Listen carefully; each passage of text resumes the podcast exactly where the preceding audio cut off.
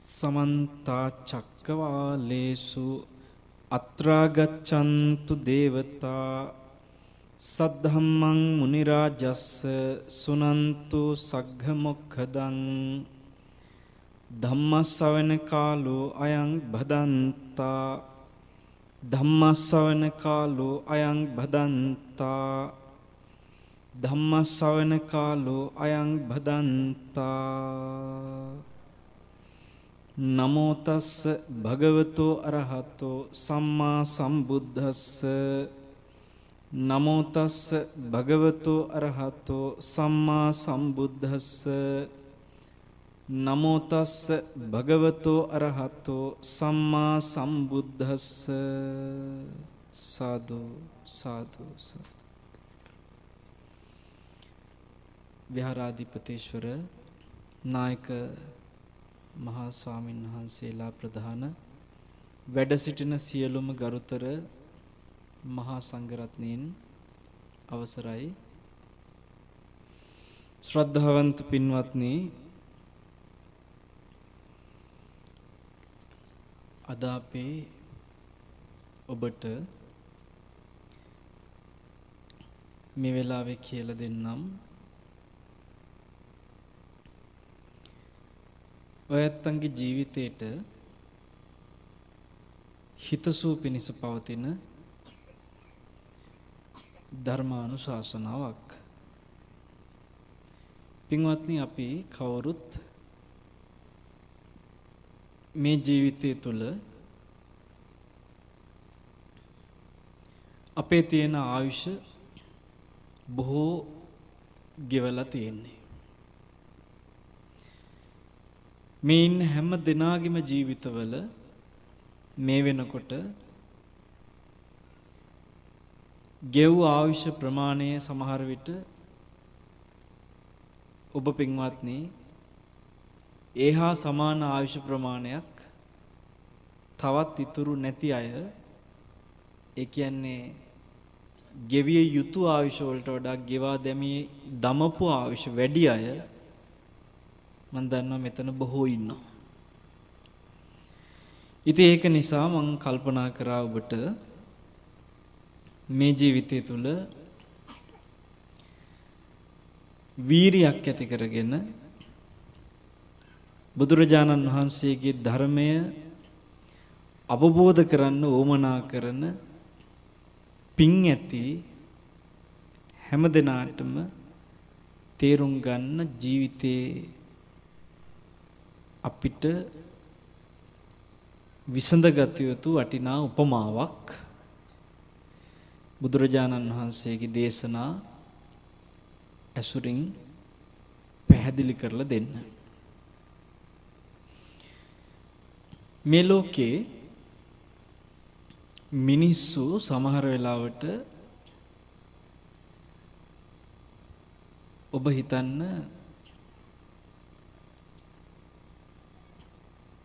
ඇතැම් දේ දකින්නේ ධර්මය කියලා. සමහර විට ධර්මය ගැන අවබෝධය නැතුව Tamanට පිටින් පේන දෘෂ්ටියක ඉඳලා. එක එක්කෙනාගේ දෘෂ්ටි දෘෂ්ටි කියලා කියන්නේ Tamanගේ දැක්ම. දැක්ම කියන්නේ සමහරු කියන්නේ මට හිතෙන්නේ මෙහෙමයි. මං ඕක දකින්නේ මෙහෙමයි. කියන විදිහේ එක එක්කෙනා තුල දෘෂ්ටි තියෙනවා. කලහ විවාද කියලා තියෙනවා පින්වත්නි සූත්‍රයක්. සුත්ත නිපාතේ. කලහ විවාද සූත්‍රයේ බුදුරජාණන් වහන්සේ පෙන්නනවා. මේ ලෝකේ මේ කලහ විවාද බොහෝ දෙයකට බලපානවා කරුණු දෙකක්. කලහ විවාද වලට බලපාන ලෝකේ තියෙන ප්‍රධාන කරුණු දෙකක් තියෙනවා. එකක් තමයි දෘෂ්ටි අනිත් එක තමයි සංඥා. කලහ විවාද සූත්‍රයේ බුදුරජාණන් වහන්සේ වදාළ මේ කරුණු දෙකත් එක්ක අපි ඔබට උපමා උදාහරණ කිහිපයක් එක්ක මේ වෙලාවේ පැහැදිලි කරලා දෙන්නම් පින්වත්නි. ජීවිතවල තියෙන ප්‍රශ්න අවුල් ගැටලු බොහෝ දේවල් වලට බලපාන්නේ දෘෂ්ටි සංඥාය කියන දෙක. මේ දෙකත් එක තමයි අපේ ජීවිතවල තියෙන සියලු ප්‍රශ්න හැම දෙයක්ම අපිට විසඳ ගන්න සිද්ධ වෙන්නේ. දැන් ඔබ දෘෂ්ටි කියන්නේ මොකද්ද කියලා ඉස්සෙල්ලා තේරුම් ගන්න. දිට්ටි කියනකොට බලන්න ඔබට හොඳට හුරු වචනයක් තමයි මිත්‍යා දෘෂ්ටි කියලා කියනවා. ඒකට විරුද්ධ වචනය අපි කතා කරනවා සම්මා දිට්ටි. දිට්ටි කියන දෘෂ්ටි කියන වචනේ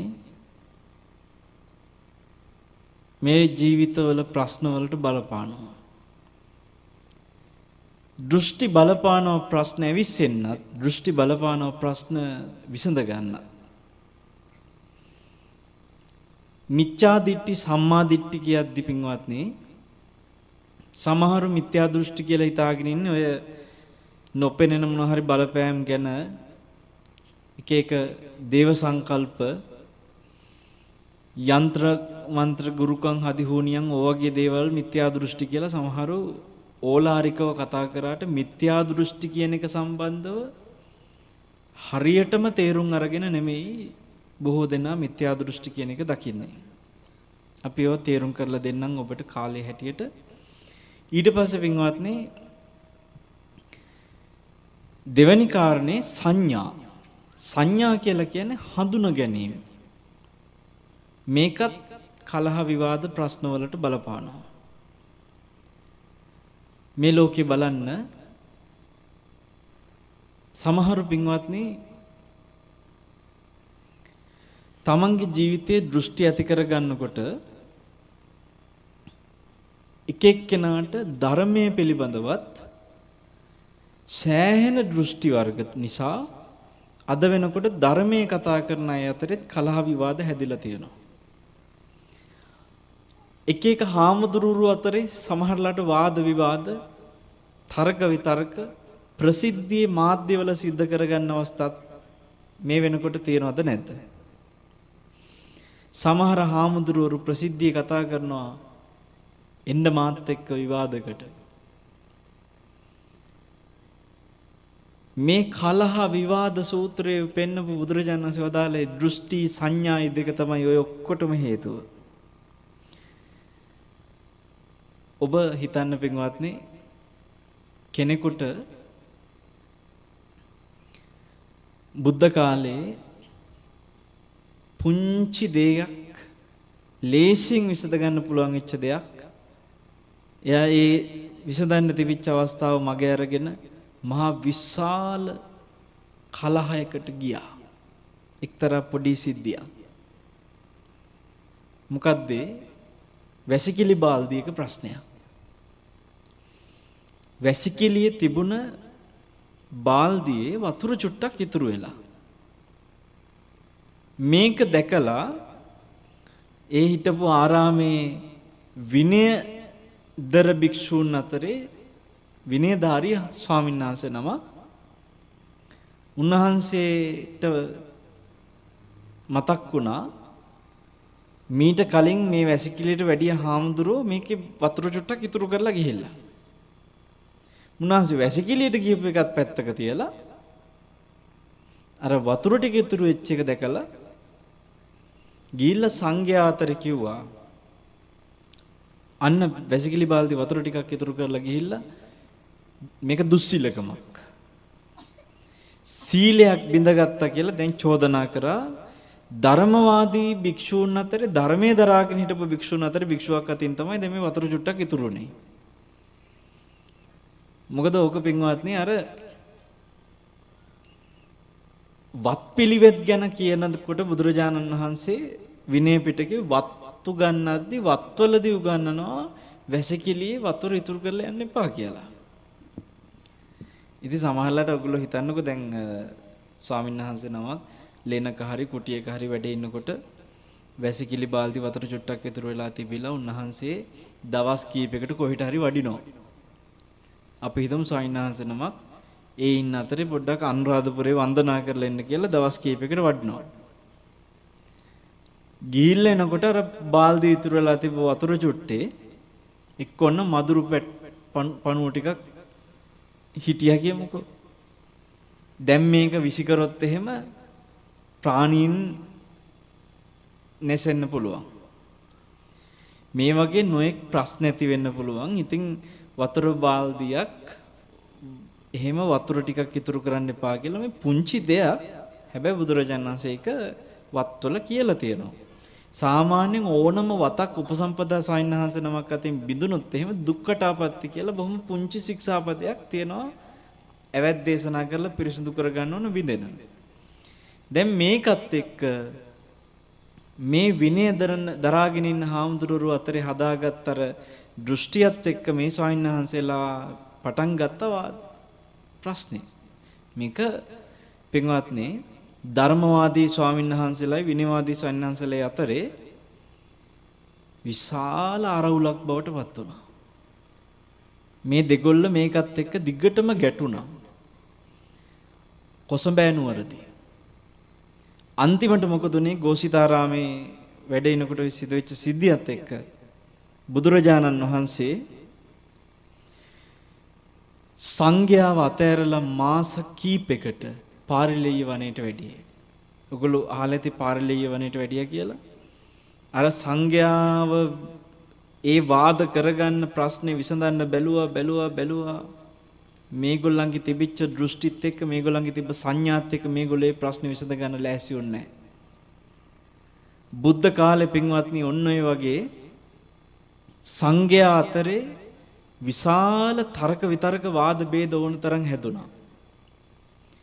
එහෙම වාද ભેද තර්ක විතර්කත් එක්ක පින්වත්නි එදත් තිබුණා ප්‍රශ්න අදත් තියෙනවා. ඊළඟට බලන්න දැන් මේ ධර්මය අහන ස්වාමීන් වහන්සේලා එක්ක ඉන්න මිනිස්සුන්ගේම සමහරලාට පේනවා එක එක ස්වාමීන් වහන්සේලා ප්‍රිය කරනකොට ස්වාමීන් වහන්සේලා වෙන් කර ගැනීමත් එක්ක ඇතැම් වෙලාවට පින්වත්නි සමහර හාමුදුරු කෙනෙක් කරන ප්‍රකාශ ඇතැම් වෙලාවට තව කෙනෙකුට ගැටීමක් ඇති කරන දෙයක් වුණත් උන්වහන්සේව පිළිගත්ත මිනිස්සු අතරේ ඒකත් සමහරවිට බොහෝ දෙනා අකුසල් රැස් කරගන්න දේවල් වෙනවා. මම දැක්ක පහුගිය දවස්වල එක්තරා ස්වාමීන් වහන්සේ නමක් අපි ගරු කරන ස්වාමීන් වහන්සේ නමක් උන්වහන්සේ තවත් වටිනා ස්වාමීන් වහන්සේ නමක් විවේචනය කළා ඔය රාජගිරි අරිය ඥාන කියන මහරහතුන් වැඩිමග ඔස්සේ දේශන සිද්ධ කරන පින්වන්ත ස්වාමීන් වහන්සේව හොර රහතෙක් කියලා විවේචනයක් කළා තවත් මේ රටේ අපි ගරු කරන ස්වාමීන් වහන්සේ නමක් දැන් මේ දෙනමටම අපි හරි ආදරේ දෙනමටම අපි හරි ගරු කරනවා. නමුත් දැන් මේ දෙනමගෙන් එක්තරා ස්වාමීන් වහන්සේ නමක් අර මහරහතුන් වැඩිමග ඔස්සේ ස්වාමීන් වහන්සේව හොර රහතෙක් කියලා විවේචනය කරාම බොරුකාරයෙක් කියලා මේක අහපු ලක්ෂ ගාණක් මිනිස්සු අර ස්වාමීන් වහන්සේ පිළිගත්තු අයත් දැන් අරිඥාන ස්වාමීන් වහන්සේට දොස් කියනවා අපෝ යසත්පුරුෂයෙක් හොර රහතෙක් කිය. පින්වත්නි ස්වාමින් වහන්සේලා අතින් තවත් ස්වාමීන් වහන්සේ නමක් එහෙම විවේචනයක් සිද්ධ වෙච්ච දෙයකදී දැන් මිනිස්සු ඊට පස්සේ මොකද වෙන්නේ? මෙච්චර කාලයක් අරේ ඥාන ස්වාමීන් වහන්සේ ගැන මම මේ ඔයගලන්ට මේ බණහන මිනිස්සුන්ට වෙන ප්‍රශ්න මේ පෙන්නන්නේ මේව ඇතුලේ සිද්ධ වෙන අපිට නොපෙනෙන දේ. අරිඥාන ස්වාමීන් වහන්සේ ගැන හරි ගෞරවයක් තිබිච්ච අයට දැන් මොකද උනේ තමන් පිළිගත්ත තමන්ගේ වටිනා ස්වාමීන් වහන්සේ නමක් කෙරෙහි පිළිගත්ත කෙනෙක් තමන් ආදරය කරන සන්නස නමක් බැරි වෙලා හරිය ওই විදිහට කියපු ගමන් අසවල් භික්ෂුව මෙන්න මෙහෙමයි කියලා. දැන් ඒක අහපු අයගේ මනසට හැදුනේ සංඥාවක්ද නැද්ද? සංඥාව. සමහර විට මෙච්චර කල් ඔළුවේ තිබුණ සංඥාව දැන් එකපාරට සංඥා මාරුවකට එනවා. එක්ක මෙච්චර කාලයක් තිබුණ රහතන් වහන්සේ නමක් කියලා සංඥාවක්. දැන් අරිඥාන සයන්හන්සේගේ දේශන අහන්න යන බොහෝ දෙනා සමහරලාට යනකොට කියනවලුනේ අද රහත් ඊ හාමුදුරු රහත් වෙලාලු රහතන් වහන්සේ නමක් යම් බලන්න කියලා රහතන් වහන්සේ නමක් බලන්න එනවා කියන හැඟීමෙන් දාස් ගණන් සමහරලාට සෙනගවිල්ලා තියෙනවා එහෙමත් ඇවිල්ලා තියෙනවා කියලා දන්නවා දැන් ඔන්න ඒ රහතන් වහන්සේ නමක් කියලා අරිය ඥාන සනස කියලා නෑනේ. පින්වත්නි මම රහත් වෙලා කියලා උන්වහන්සේ කවදාවත් කියලා නෑ. දැන් මිනිස්සු තමයි මේ සංඥාව හදාගත්තේ මනසේ. ආ උන්වහන්සේ රහත් කියලා. සංඥාවත් එක්ක අර කියපු දෘෂ්ටියක් හැදෙනවා. උන්වහන්සේට ගරු කරන්න ඕනේ. උන්වහන්සේව බොහොම මේ උන්වහන්සේට මොන හරි දෙයක් පූජා කරලා හරි පින් රැස් කරගන්න ඕන වගේ දෘෂ්ටි තියෙනවා. පුණ්‍ය අරමුණු හදාගෙන තියෙනවා. දැන් එතකොට රටේ පිළිගත්තු ස්වාමීන් වහන්සේ නමක් එකපාරට කිව්ව ගමන් මේ හොර රහතෙක් කියලා. ඊට පස්සේ මොකද වෙන්නේ මිනිස්සු සංඥාව මාරු කරගෙන දැන් දෘෂ්ටිත් මාරු වෙලා අර ගරු කර කර හිටපු අයම දොස් කියන්න පටන් ගන්නවා. මිනිස්සු ඊට පස්සේ තව පව් පුරව ගන්නවද නැද්ද? පව් පුරව ගන්නවා. පින්වත්නි මම දැක්කා ඔය සිද්ධ වෙන දේ ඇතුලේ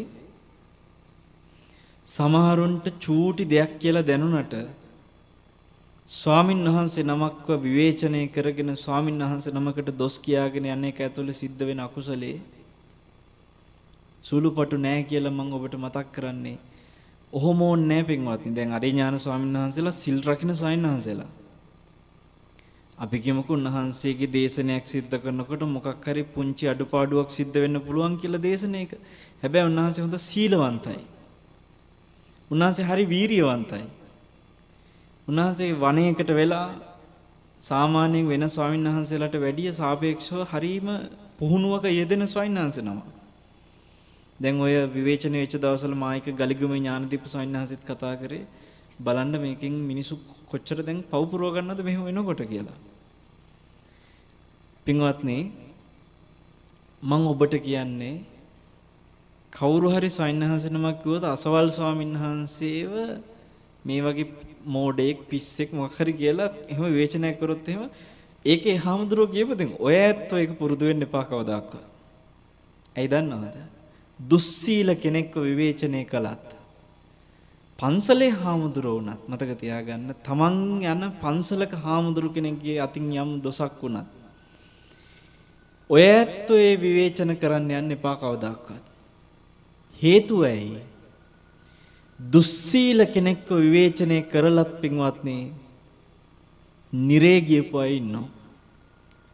මම ඔබ ටික සිද්ධියක් මතක් කරන්න. කාශ්‍යප බුද්ධ ශාසනයේදී මහණ වුණා අම්මයි පුතාලා දෙන්නයි දුවයි. මේක පවුලේ. කට්ටිය මහණ වුණා. පුතාලා දෙන්නයි දුවයි අම්මයි හතර දෙනාම මහාන වෙලා ඉන්නකොට දැන් දුවයි අම්මයි මෙහෙණි ආරාමේ. පුතාලා දෙන්න භික්ෂු ආරාමේ. ඔහොම ඉන්නකොට ඔතන ලොකු පුතා එයා පාඩුවේ තමන්ගේ භාවනා කරගෙන වීරියවන්තව මාර්ගේ වැඩුවා. ලොකු පුතා රහත් වුණා. ඒ ස්වාමීන් වහන්සේ අර පොඩි පුතයි අම්මයි නංගි ඒ කියන්නේ අම්මයි දුවයි පුංචි පුතයි ඒ මහාන වෙලා ඉන්න තුන් දෙනාම එකතු වෙලා ඒ කියන්නේ මෙහෙණිවරු දෙන්නයි අනිත් ඒ පුතා ස්වාමීන් වහන්සේ තුන් තුන් තුන් නමම එකතු වෙලා නිතරම එකතු වෙනවා එකතු වෙලා මේගොල්ලෝ කරන්නේ? ඒ ආරාම වල ඉන්න එක එක දුස්සීල ස්වාමීන් වහන්සේලාගේ දේවල් ගැන හැමතිස්සෙම කියෝ කියෝ ඒ එක එක්කෙනා විවේචනය කර කර දන්නවද? අර අරයා මෙහෙම කරලා මේ මෙන්න මහ පුදුම දුස්සීලෙක් මෙහෙම එකක බැන බැන ඉඳලා. ඊට පස්සේ පින්වත්නි හැබැයි දැන් මේ තුන්නම සිල්වත්. ඒ බාල පුතා ස්වාමීන් වහන්සේත් සිල්වත් අම්මා මෙහෙණියත් සිල්වත් අර දුව මෙහෙණියත් සිල්වත් සීලය හොඳට රකින්න. නමුත් මේගොල්ලෝ දැන් සිල් රකින්න හින්දාම දුස්සීලය ගැන පේන්න බෑ. දැන් ඔයත් හිතන්නකො සාමාන්‍යයෙන් සිල් රකින්න අයට නේද දුස්සීලයිගේ දුස්සීලකම් හොඳට මතුවලා පේන්නේ. දුස්සීල කෙනාට දුස්සීලකම් ගැන හැඟීමක් එනවද? අපි හිතමු මස් කන මිනිස්සෙකුට කඩේකට ගිහිල්ලා මස් කනකොට මස් කන කෙනෙක්ව ඕක නිකන් වෙනසක් හැටියට තේරෙනවද? මස් මාළු කන කෙනාට තවත් මස් මාළු කන කෙනෙක් දැක්කම ඒක වැරැද්දක්ද මොකද්ද? එහෙම දේවල් හිතෙනවද එයාට? නෑ ඒගොල්ලෝ මස් මාළු කන අයට කන කන කට්ටිය එකතු වුනහම ඒක මහ ලොකු ලොකු දෙයක් හැටියට ඒක තේරෙන්නේ නෑ. හැබැයි ඔතෙන්ට එනවා නිර්මාංශ මිනිස්සේ. දැන් ඒ මිනිස්සයාට මතුවෙලා ටක් ගාලා අර මස් මාළු කන අයව වැරදිකාරයෝ වගේ පේනවද නැද්ද? ඕක මස් මාළු කන අයට නෙමෙයි ඒක මතුවෙලා පේන්නේ කාටද? නොකන කෙනාට. අන්න ඒ වගේ දුස්සීලයන්ට දුස්සීලකම් ලොකුවට මතුවෙලා පේන්නේ නැහැ. දුස්සීල කෙනෙක්ගේ දුස්සීලකමක් හයිලයිට් වෙලා මතුවෙලා පේන්නේ කාටද? සිල්වත් කෙනාට. එයාට ඒක ලොකු දෙයක්. එයාට ඒක හොඳට පේනවා. දැන් හිතන්න මෙතන ඔක්කොම හොඳට සිල්වත්ව ඉන්නවා කියලා.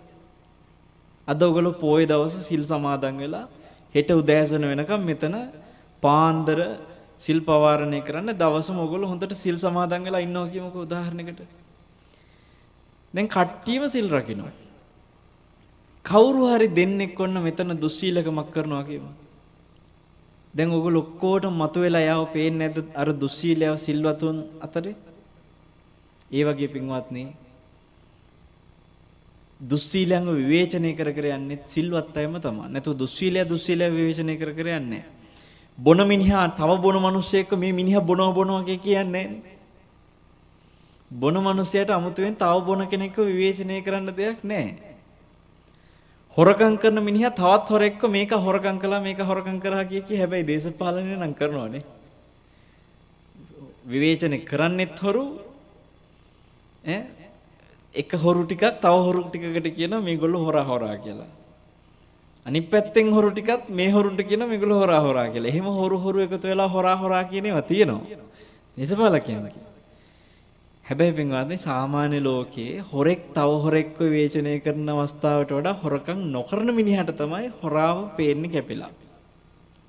බොන මිනිස්සයා තව බොන මිනිහෙක් විවේචනය කරනවට වඩා බොන් නැති මිනිහට තමයි බොන මිනිහව කැපිලා පේන්නේ.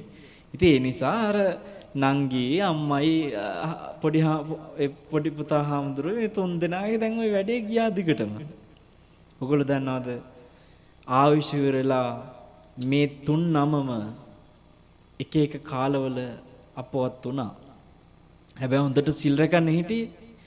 නමුත් පින්වත්නි මේ කාශ්‍යප බුද්ධ ශාසනයේදී අපවත් වෙච්ච අර පුතා ස්වාමීන් වහන්සේ ඒ අම්මා භික්ෂුණියයි නංගි භික්ෂුණියටයි වෙච්ච දේ අපි දන්නේ නැහැ. විශේෂයෙන්ම පුතා ස්වාමීන් වහන්සේට වෙච්ච සිද්ධි මම ඔයතන මතක් කරන්නම්.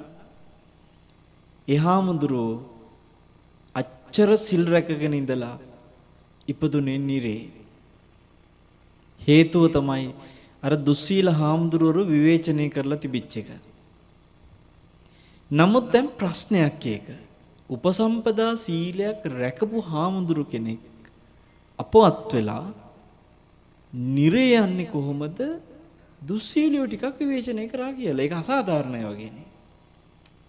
මොකද මේක මේ උපසම්පදා සීලය රැකපු කෙනෙක්නේ.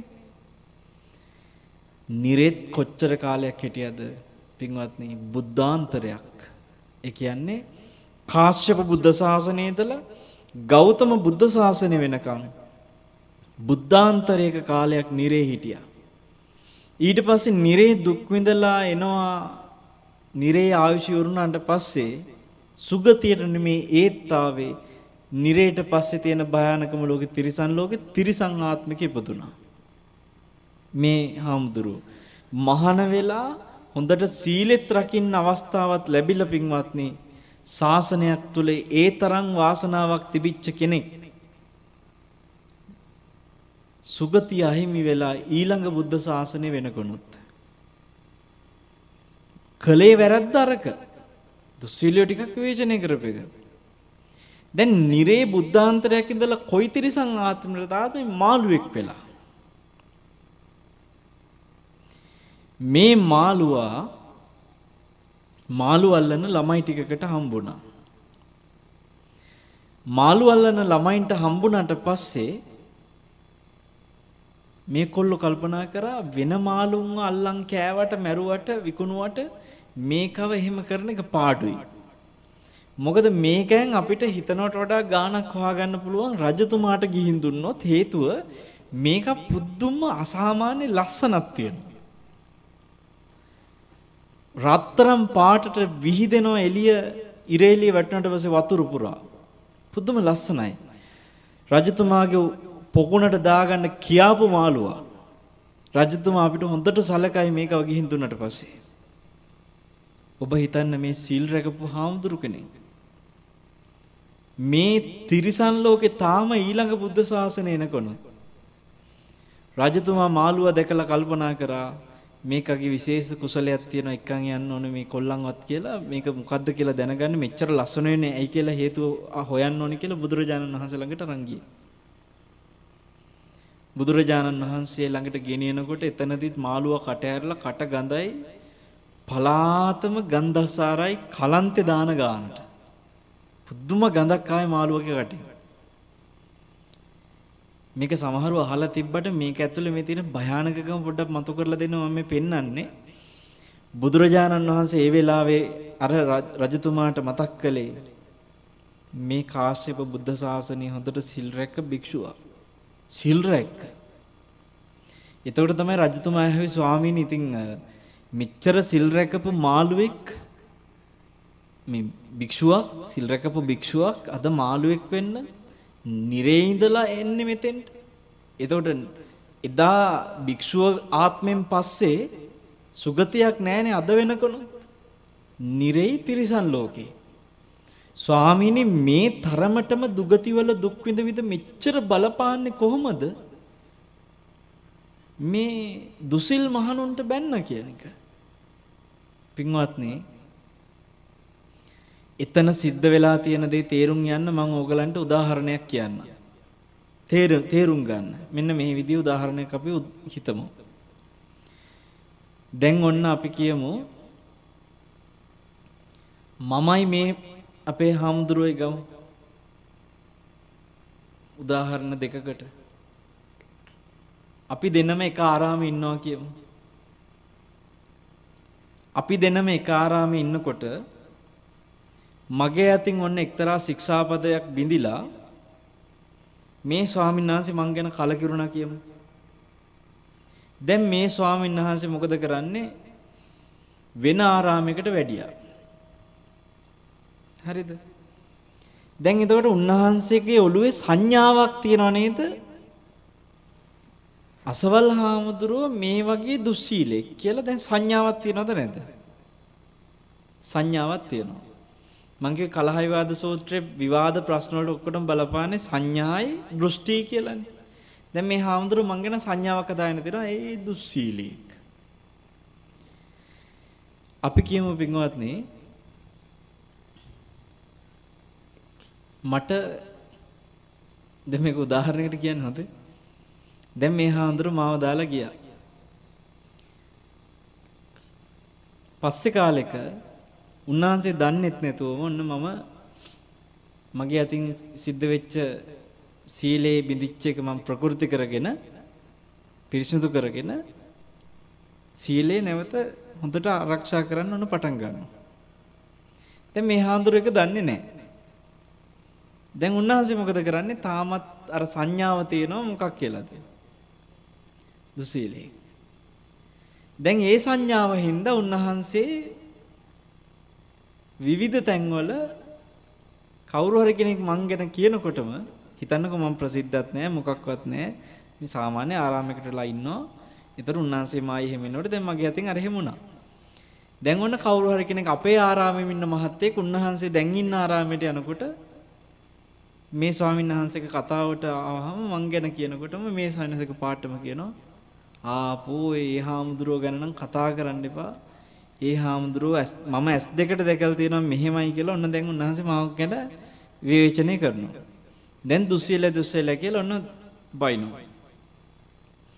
දැන් මොකද වෙන්නේ සමාජයට අර මහත්ය බලනවා නෑ ඒ හාමුදුරුව මෙහෙම සිල්වත් ඉන්නවා කියලා. දැන් මේ මහත්ය දකින්නේ දැන් මේ වෙනකොට මම ඉන්න විදිය. මේ හාමුදුරුව දැකලා තියෙන්නේ කලින් තිබිච්ච සංඥාව. දැන් අර මහත්තයගේ සංඥාවයි මේ හාමුදුරන්ගේ සංඥාවයි දෙකක්ද නැද්ද? එක මහත්තයෙකුට සිල්වත් සයන්නාස නමක් කියලා සංඥාවක් තියෙනවා මං ගැන. තව ස්වාමින් මේ ස්වාමීන් වහන්සේට දුස්සීල හාමුදුරු කෙනෙක් කියලා සංඥාවක් තියෙනවා මං ගැන. එතකොට දැන් සංඥා දෙකක්. දැන් එතකොට ඒ මහත්යයි මේ ස්වාමීන් වහන්සේ අතර විවාදයක් හැදෙන්න පුළුවන්ද නැද්ද? ඔබ වහන්සේ හිමකට මම දන්නවනේ උන්වහන්සේ මේ වගේ කියලා දැන් ඔන්න කියනවා. දැන් මේ හාමුදුරුවෝ මහත්ය දන්නේ නැහනේ අපි ආරාමේ හිටියනේ මම S2කට දැක්කනේ කියලා මේ හාමුදුරුවොත් කියනවා. දැන් බලන්නකො විවාදයක් හැදිලා සංඥාවක් හින්දා. කලහ විවාදවලට ඔන්න වගේ සංඥාත් එක්ක ප්‍රශ්න හැදෙනවා. අන්තිමට මොකද වෙන්නේ? මේ හාමුදුරුවන්ගේ දෘෂ්ටියෙන් ඒ හාමුදුරුවෝ කියවනවා අර මහත්යාගේ දෘෂ්ටියෙන් ඒ මහත්යා කියවනවා. දෙන්නගේ දෘෂ්ටි දෙන්නගේ සංඥා එක දෙන්නා විදින පීඩනේ සමහර විට මම පැත්තක මට එකක් මෙලොවතයක් නැතුව මං ඉන්නවා දැන්. දැන් මොකද වෙන්නේ? ප්‍රകൃති වෙච්ච සීලයක් ඇති මම දැන් ඒ වෙනකොට සිල්වත් නිසා අරහාමුදුරුවෝ තාම දැන් මට දුසීලය දුසීලය කියලා බයිනකොට එතකොට දුස්සීලකමක් දැකලා බැන්නත් දැන් බනින්නේ කොහොම කෙනෙක්ටද සිල්වත් කෙනෙකුට. අන්න එහෙම දේවල් තමයි අර අම්මණ්ඩිටයි දෝනියෙන්දටයි පොඩි පුතණ්ඩියටයි මහාන වෙලා උනේ. එක එක හාමුදුරුවන්ගේ දුසීලකම් දැකපුවා තමයි. හැබැයි අර සංඥා හදාගෙන ඒයා මෙහෙමයි මෙයා මෙහෙමයි කියලා සංඥාත් එක්ක කියවනවා. සංඥාත් එක්ක විවේචනය කරනවා. ඒ විවේචන හැමතිස්සෙම කියවලා කියවලා කියවලා මොකද උනේ? අන්තිමට සිල්වත් අයටත් බයිනවා. මොකද සීලයක් කියනක ඕන වෙලාවක කෙනෙකුට ප්‍රකෘති කරගන්න පුළුවන් එකක්ද නැද්ද? දැන් හිතන්නකෝ මෙහෙම. ඔන්න කෙනෙක් කියනවා මම දැන් අවුරුදු 15ක් තිස්සේ බොන්නේ නැහැ. මම බීමත්කමයි සියලුම ශික්ෂාපද බිඳින එක මං දැන් අවුරුදු 15ක් වෙනවා හොඳට රකින්නවා කියලා මහත් එක් කියනවා දැන්. ඒ කියන්නේ මනුස්සයා අවුරුදු 15කට කලින් බීලාද නැද්ද? ඉතින් යා කියනනම් මම දැන් අවුරුදු 15 තිස්සේ බොන්නේ නැහැ කියලා. දැන් ඉතර අවුරුදු 15 තිස්සේ බොන්නේ නැතුව දැන් මේ හොඳට ශික්ෂාපද ටික රකින්නවා කියන්නේ මෙයා සිල්වතේද නැද්ද? මෙයා සිල්වතේ. දැන් ඔබ යාට කැමතිද නැද්ද? හොඳයිද නැද්ද? ඉතින් එතකොට එයා අවුරුදු 15ක් තිස්සේ දැන් සිල්වතෙක් හැටියට ඉන්නවා නම් අවුරුදු 15ක කාලයක් තිස්සේ ආ බොන්නේ නැත්තම් ඒක ඔබ කැමති. එහෙම එහෙම ඒ වගේ චරිතයකට කොච්චර දෙයක්ද කියලා ඔබට හිතෙනවා. හැබැයි ඒ අවුරුදු 15කට කලින් බීලා. ඒක නෑරේම කියන්නේ. ඔන්න කෙනෙක් කියනවා මම දැන් අවුරුදු 5ක් තිස්සේ මදුරුවෙකුටවත් ගහලා නැහැ කියනවා. කිසිම සතෙක්ව මරලා නැහැ දැන් අවුරුදු 15 තිස්සේ එක මදුරුවෙකුටවත් ගහලා නැහැ කියනවා. ඒක ඔයගලන්ට හිතෙන්නේ මේ මනස හොඳයිද නැද්ද? හොඳයි. හැබැයි අවුරුදු 5කට කලින් මදුරුවන්ට ගහලා ඕනම සිල්වතෙක් මතක තියාගන්න. එයා කවදා ඉඳන්ද සීලේ හරියට රකින්න පටන් ගත්තේ? ඒ කාලෙට එහා එයා දුස්සීලකම් කරලාද නැද්ද? කරලා. නමුත් පින්වත්නි කෙනෙක්ගේ අතීතයේ සිද්ධ වෙච්ච දුස්සීලකම එයා සීල ප්‍රකෘති කරගත්තට පස්සේ ඒ සංඥාවට අදාළ වෙන්නේ නැහැ. ඒක තමයි ස්වභාවය. නැත්තම් මේ සසරේ එකිනෙකා සිද්ධ වෙච්ච කරපු කියපු දේවල් එක්ක බලනකොට පින්වත්නි අපිට හිතා ගන්න බෑ දැන් බලන්න බෝසත් චරිත ගත්තොත් බුදුරජාණන් වහන්සේ සම්බුද්ධත්වයට පත්වලා මේ බෝසත් කෙනෙක් හැටියට ඉන්නවා. උන්වහන්සේටත් බලපාවපු යම් යම් අර පීඩන ප්‍රශ්න ආපු කරදර ආපුවට බලපාවුව තියෙනවා සසරේ ආපු. හිතන්න බෝසත් චරිතයක් විදිහට උන්වහන්සේ තිරිසං ආත්මවල ඉපදුන්නේ නැද්ද? නේ වඳුරු ආත්මවල එක එක තිරිසං ආත්මවලත් ඉපදුනානේ බෝසතාණන් වහන්සේ. ඇයි බෝසත් කාලේ එනකොට තිරිසං ආත්මවලට ඉපදු යන්නේ? මොනවා හරි සිද්ධ වෙන දේවල් එක්කද නැද්ද? ඔබ දන්නවද? ආර්ය උපවාදයක් වුණොත් සමාව ගත්තොත් ප්‍රශ්නේ හරි. සමාව ගත්තේ නැත්තම් නිර්යපදිනවා. මේ අපේ ගෞතම බුදුරජාණන් වහන්සේ ගැන මම සිද්ධියක් කියන්නම්. මෑත වෙච්ච දෙයක් එක්ක පහුගිය කාලෙක එක එක්තරා මිනිස්සෙක් පොතක් ලිව්වා අම්මලා දන්නවද දන්නේ පොතේ නම බුදුන්ගේ රස්තියාදුව. කොබන්න අහලා තියෙන අයතසන් බලන්න. බුදුන්ගේ රස්තියාදු කියලා හොඳ වෙලාවට ගොඩක් අය අහලා නැහැ. පොත ලියපු මිනිස්සයා තරුණෙක් ශ්‍රීනාත් කියලා මේ පොතේ ප්‍රකාශක පොතේ මුද්‍රණකරු පොත බෙදා හරින්නා උපුල් සාන්ත සන්නස්කල.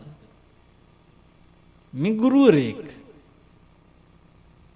දරුවන්ගේ ඇස් පාදන්න උත්සාහ කරපු ගුරුවරයෙක්නේ. පින්වත්නි මෙයා දැන් මේ පොත ප්‍රකාශනයට පත් කරවලා බෙදා හරින වැඩ ඔක්කොම කරනවා බුදුන්ගේ රස්තියාදු කියලා නමින් පොතක්.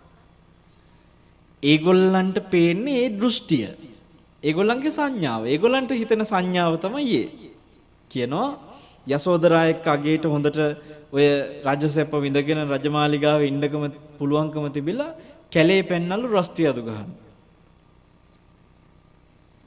හොඳ රාජකුමාරයෙක් ඉදිරි ඉන්න පුළුවන් කෙනා මේ කැලේ පෙන්නලු රස්තියාදු ගහන්න. ඒ නිසා ඒගොල්ලෝ මාතුරකව දැම්මලු බුදුන්ගේ රස්තියාදුව කියලා. දැන් සංඥායි දෘෂ්ටියද නැද්ද?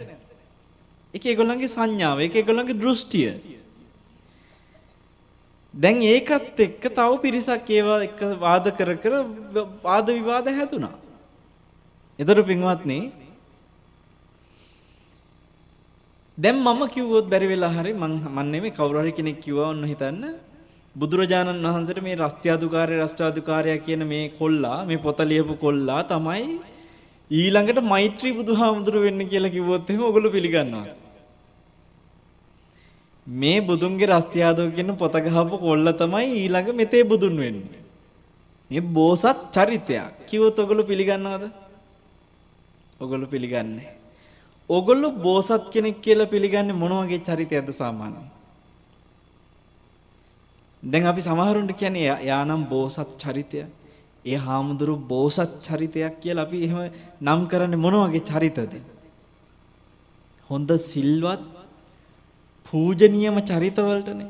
නාවිනි අරිදම් ස්වාමීන් වහන්සේ අපවත් වුණා අපි කෝ බෝසතාණන් බෝසත් චරිතය බුදු වෙන කෙනෙක්.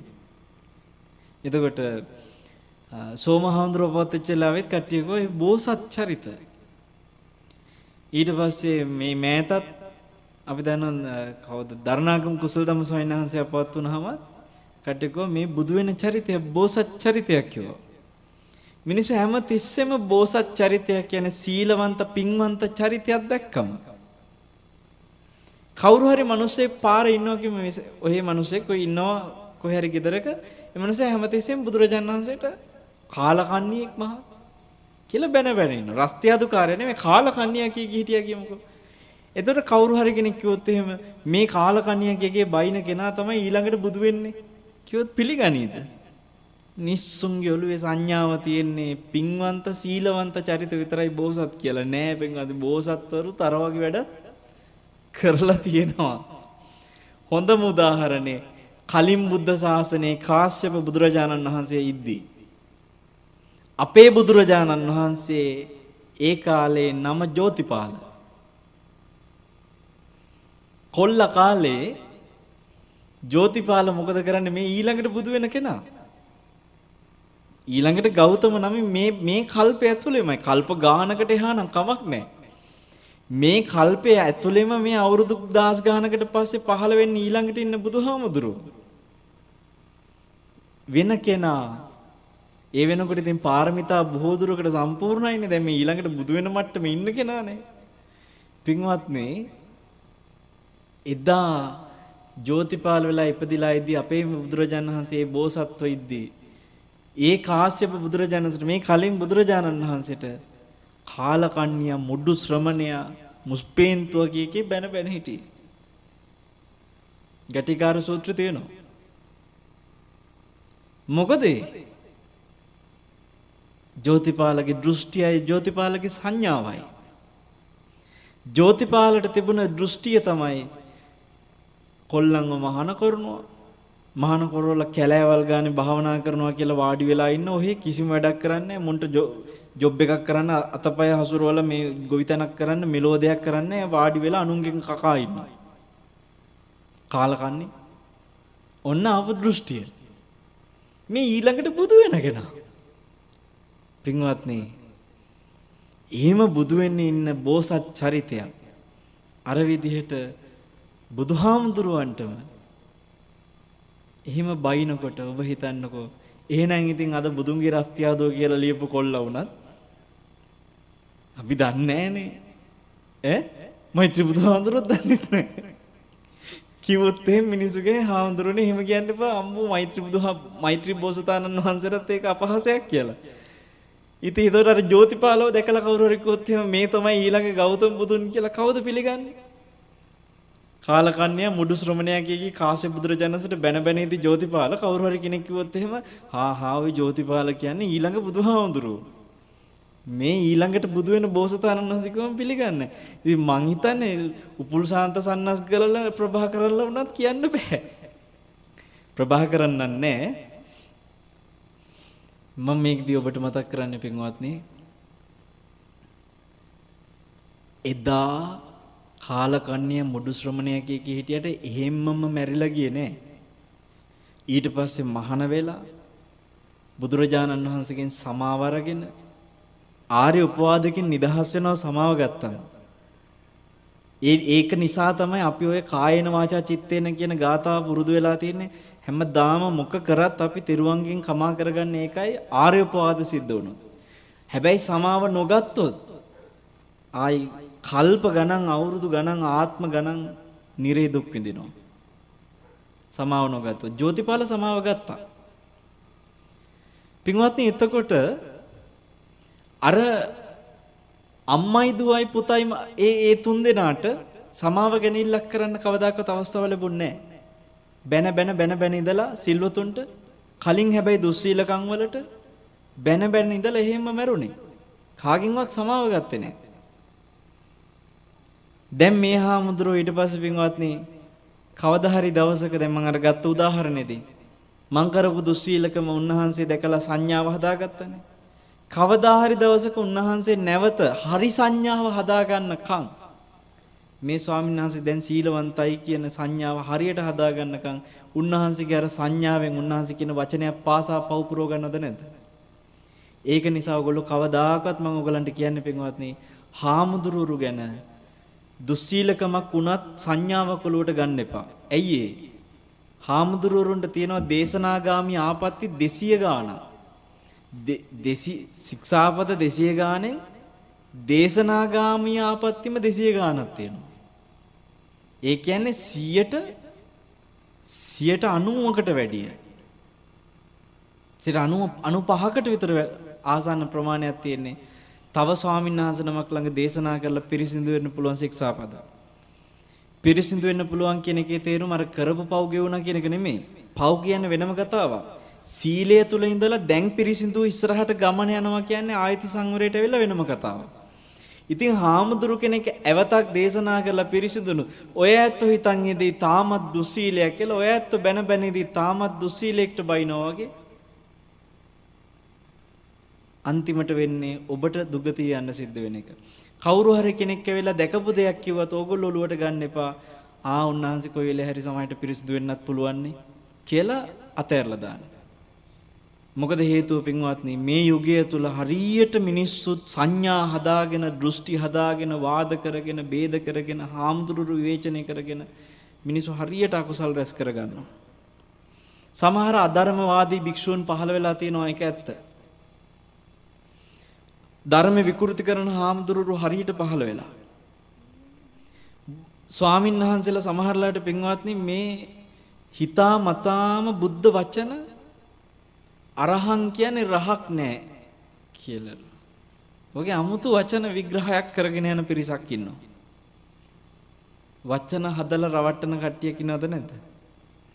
මේගොල්ලෝ මේ භාෂා ගානක වචන එකතු කරගෙන කෙනෙක් ණයක් අරගෙන දෙන්නේ නැතුව ණය හිමියා එනකොට හා හා අනිත් දවසේ එන්න කියලා යවනකොට මැරිලා උපදිනවලු හා හා එන්න එන්න අනිත් දවසේ කියලා කිව්ව නිසා එන්න එන්න කියන්නේ වා වා හා හා වා වා වෙලා හා වා වෙලා උපදිනවලු. ඔන්න ඔහොම සිංහල වචනයි pāli වචනයි ඔක්කොම කඩලා පුදුම කැඩිල්ලක් දැන් ඒ ඒ සිංහල වචන පැතනේ පාලි වලත් එහෙමයි. මේගොල්ලෝ එක එක අර්ථකථන දීලා සීලය කියන එකට දීලා තියෙන වචනය සිසිල්ලු ලයලු. සිසිල්ලු ලය සීලය කියලා මේක භයානකකම මේක නිකන් වචන විතරක් කිව්වනම් කමන්නේ මිනිස්සුන්ට කියනවා මේක තරක හදලා කියන්නේ සීලයක් කියන එක නිගණ්ඨයන්ට අයිති කළු සීලෙකින් වැඩක් නැහැලු. සීල කියන එක ඔගොල්ලෝ වගේ අවුරුදු ගණන් ඔය අටසිල් රැක රැක පන්සිල් සමාදන් වෙවි පොයවල් වලට පන්සල් වල ගිහින් සිල් රැක රැක එහෙම සිල් රැකලා නිවන් දකින්න බැහැලු සීලයක් ඕනේ නැලු නිවන් දකින්න. මේ හාමුදුරුවෝ මේවට උදාහරණ හැටියට ගන්නවා. දැන් බලන්න අඟුලිමාල අටසිල් සමාදන් වෙවි පොයවල් ගානේ පන්සල් වල එහෙම ඒවා කර කර හිටියාද කියලා අහනවා. බාහිදාරු චීරියලා මාස ගණන් අවුරුදු ගණන් අටසිල් සමාදන් වෙයි පොයවල් වලට පන්සල් වල ගිහින් ඔහොම ඕව කරාද කියලා අහනවා. ඇත්තරම දැන් බාහිදාර්ජීරිය ජීවිතේ කවදාකවත් පානාතිපාතා වේරමණී සික්ඛාපදං සමාදියාමි කියලාවත් නැහැනේ. බාහිදාර්ජීරිය මහා පාරෙදිම ධර්මය ඇහුණ රහත් වුණා. ඒ වගේ උදාහරණ පෙන්නලා කියනවා සීලය ඕන නෑලු නිවන් දකින්න. කුජ්ජුත්තරා මල් හොරකම් මල් වලට හම්බෙච්ච සල්ලි මල් මල් ගේන්න කියලා සල්ලි අරගෙන යන කෙල්ල රජමැදුලේ අර දැන් ඉන්න දේශපාලකයෝ වගේ භාගයක් ගසා කාලා භාගයකින් මල් ගෙනාවා. සල්ලි වල. හැමදාම ඕක කර කරා. එක දවසක් මල් ගේන්න යනකොට මගදී සෝතාපන්න වුණා ධර්මය ඇහිලා. මල් ගේන්න යන අතරේ ධර්මය අහන්න අවස්ථාවක් ලැබුණා සෝවන් වුණා. දැන් සෝවන් වෙලා තමයි ගියේ මල් ඒ ඒ සල්ලි ටිකම අරගෙන මල් ටික ගන්න එදා දැන් සම්පූර්ණ සල්ලි වල මල් ගත්තා. දැන් මල් දෙගුණයක් තියෙනවා. මල් ටික ගෙනල්ලා රජමැදුරේ දේවියට සාමාවතියට දුන්නම සාමාවතිය අහනවා ඇකිල්ලේ. වැරදිලා සල්ලි දෙන කෙනා අතින් වැඩියෙන් සල්ලි දුන්නද? නැත්තම් මල් දෙන මාමට වැරදිලා වැඩියෙන් මල් දුන්නද? නේ දෙපැත්තෙම මුකුත් තුන්නේ නැගෝ මං තමයිකෝ මෙච්චර කාලයක් ගසා කෑවේ. සෝවාන් වෙච්ච කෙනා ඇත්ත කියනවා කෙලින්ම. සෝවාන් වෙච්ච කෙනා වෙච්ච දෙයක් හංගගෙන ඉන්නේ නැහැ. කෙලින්ම කිව්වා මම මෙච්චර කල් මෙහෙම කළා. ඉතින් සාමාවතේ එහෙම දැන් ඔබ මෙච්චර කල් මෙහෙම කරා නම් ඇයි අද මෙහෙම එකපාරට නැවැත්තුවේ? මම සෝතාපන්න වුණා කිව්වා. මං ධර්මය අවබෝධ කළා ඒ නිසා මන් මගේ අතින් ආයෙ කිසිදාක කිසිදාක එහෙම දෙයක් සිද්ධ වෙන්නේ නැහැ කිව්වා. සාමාවතේ බැලු මෙච්චර පරිවර්තනයක් වෙන්න මොකක්ද ඊ ධර්මයේ කියලා තමයි සාමාවතිටත් ඕනුනේ ඒ ධර්මය අහන්න. අන්තිමට සාමාවතිත් සෝතාපන්න වුණානේ. දැන් ওই සිද්ධියත් බලන්නකො කුජ්ජුත්තරා හොරකම් කර කර ඉඳලා මේ මග යනකොට ධර්මය ඇහිලා සෝතාපන්න වුණානේ. නැතුව මේ සිල් රැක රැක හිටිය හිටිය නෙමෙයි තෙන්ද. ඔය වගේ උදාහරණ පෙන්නලා කියනවා සිසිල්ලු ලය මිසක් කෙලෙස් වලින් කවදා හරි දවසක මිදිලා රහත් වෙච්ච දාක ලය සිසිල් වෙලා හදවත කෙලෙස් වලින් සිසිල් වෙලා නිවිලා ගියපු දාට ඒකටයි සීලය කියන්නේ නැතුව මේ සිල් රැකිල්ලක් කියන එකක් නෑ ඕවා බමුණු කතා කියලා සිල් රකින මිනිස්සුන්ව සීලෙන් ඈත් කරන්න හාමුදුරුවෝ පිරිසකුත් ඉන්නවා දැන්. වචන හදලා රවට්ටන කට්ටිය. කවුද කට්ටිය කියලා දැනගන්න ඕන? වචන හදලා රවට්ටන කට්ටිය කියන එකේ මුල් ලකුරු ටික එකතු කරලා බලන්න වචන කියන එකේ වයන්න. අන්න එහෙම හැම වචනේම මුල් අකුරු ටික ගන්න. වචන හදලා රවට්ටන කට්ටිය තමයි ඔය කතා කියන්නේ. හ්ම් ඒ කට්ටිය. මුල් අකුරු ටික ආවම එනවනේ අකුරු හතරක වචනයක්. පින්වත්නි දැන් එයාලගේ પરම්පරා ඒ ඒ ඒ සම්මුතිය ඇතුලේ කතා කරන්නේ සිසිල්ලුලය. සීලය. ඒ ගෝල බාලයන්ගේ දේශනවල තියෙන්නේ. දැන් ඇත්තටම අහගෙන ඉන්න මිනිස්සු කියනවා ඇත්ත නේනම් ඉතින් බාහි දාරුචීරියලා කොහොමද මහපාර එක පාටම මිනිස්සුන්ව රහත් කියලා බොරුවට රවට්ට රවට්ට ඉඳලා ඇවිල්ලා රහත් වෙනවනේ මහපාරේම. අරයා මිනි මර මර මිනි මර මර ඉඳලා අඟුලිමාල මේ ධර්මය ඇහිච්ච ගමන් ප්‍රඥාව ඇහිලා රහත් වෙනවනේ අපි මේ බොරුවට මාස ගණන් සිල් රැක රැක පන්සල් වල මේ පෝය ගෙව ගෙව ඉන්නවා. තාම අපි රහත් උන්නේ නැහනේ ඇත්තටම මේ අරගොල්ලෝ සීලයක් නැතුවත් රහත් වෙලා අපි මෙච්චර සීල රැකලා තාම රහත් වෙලා නැහැ කියලා මිනිස්සුන්ට සීලෙ දැන් ඕන්නේ නැහැ කියන මතයකුත් හදලා අර කට්ටිය. මගෙන් කැනඩාවේදී එක මහත්තයෙක් අහනවා හාමුදුරනේ මට කට උතර නැහැ. ඉතින් අපේ යාළුවොත් දැන් ඒක පිළි අරගෙන යාළුවොත් අපිත් එක්ක තර්ක කරනවා ඒක එක සිද්ධි කියලා. ඇත්තටම හාමුදුරනේ කොහොමද ඉතින් සී දැන් සන්තති ඇමති සන්තති ඇමති හොද්දටම බීලා දවාලේ දවල් දෙකට විතර බුදුරජාණන් වහන්සේව හම්බුණා. එතකොට తాවකාලික රජකම හම්බෙලා යුද්ධයක් දිනපු එකේ සතුටට දවස් 7කට රජකම හම්බෙලා. මිනිහා හොන්තටම බීලා දවල් දෙකට විතර බුදුරජාණන් වහන්සේට හම්බෙනවා ඇතා පිටින් යනකොට. උයනට යනවා බීලා බෙරි මතේ. ඒ වෙලාවේ පින්වත්නි බුදුරජාණන් වහන්සේ මේ වෙරිකාරය දැකලා කිව්වා ආනන්ද ඒ කියන්නේ උන්වහන්සේට සිනහවක් පහළ වුණා. ආනන්ද හඳුර ඇහුවා ස්වාමීනි හේතුව මොකද්ද කියලා. ආනන්ද මේ වෙරි මතේ යන සන්තති තව පැය කීපකින් රහත් වෙනවා කිව්වා. දැන් හැමෝටම මේක ප්‍රශ්නයක්. හොරෙක් මංකොල්ලකාරයෙක් මිනිමරුවෙක් රහත් වෙන එක වෙනම කතාවක්. වෙරි මතේ ඩෝප් වෙලා ඉන්න මිනිහෙක් කොහොමද රහත් වෙන්නේ තව පැය කීපකින්? මිනිස්සුන්ට දැන් ඔන්න ප්‍රශ්නයක් ඇති වුණා. හැමෝම ඇහගාගෙන හිටිය මේ කතාව වරදිනවද නැද්ද කියලා. අන්තිමට උනේ මොකද්ද අර උද්‍යානයේදී පින්වත්නි දවස් 7ම නට නටා හිටපු නිලිය මෙච්චර කාලයක් හරියට කෑමක් බීමක් නැතුව මෙයාව හැම විදියෙම සතුටු කරවලා සතුටු කරවලා මහන්සියට ඒ කෙල්ලට කලන්තයක් ආවා. හරියට කාලත් නැහැ නිදි වරාගෙන මේ දවස් හතක් එක දිගට තෙහෙච්චු තෙහෙට්ටු වෙච්ච තෙහෙට්ටු තෙහෙට්ටුවට පාට කලන්තයක් ආවා. ඒ කෙල්ල නට නටා ඉද්දිම අර කලන්තෙන් ඇදගෙන වැටුණා. වැටුනේ ගලක් උඩට ඔළුව වැදුනේ. එහෙම්ම මෙතනමයි මැරුණා. සන්තතිය ඇමති දැන් මේ වෙලාවේ දවස් 7ක් Tamange ළඟ ඉඳලා හැම විදිහෙන්ම ගැහණියක් සතුටු කරන්න ඕන විදිවලින් සතුටු කරපු නටලා සතුටු කරපු ගී ගයලා සතුටු කරපු හැම විදිහෙන්ම සතුටු කරපු තමන්ගේ ළඟම හිටපු නිලිය මේ මැරිච්ච එක ඇස් ඉස්සරහම ලේ පෙරාගෙන ගලක්ක වැදිලා ඔළුව මැරිච්ච විදිය දකිනකොට සන්තතිය එම්මතිගේ එක පාරටම විරි බැස්සා. හිඳුනම නෙමෙයි බැස්සා.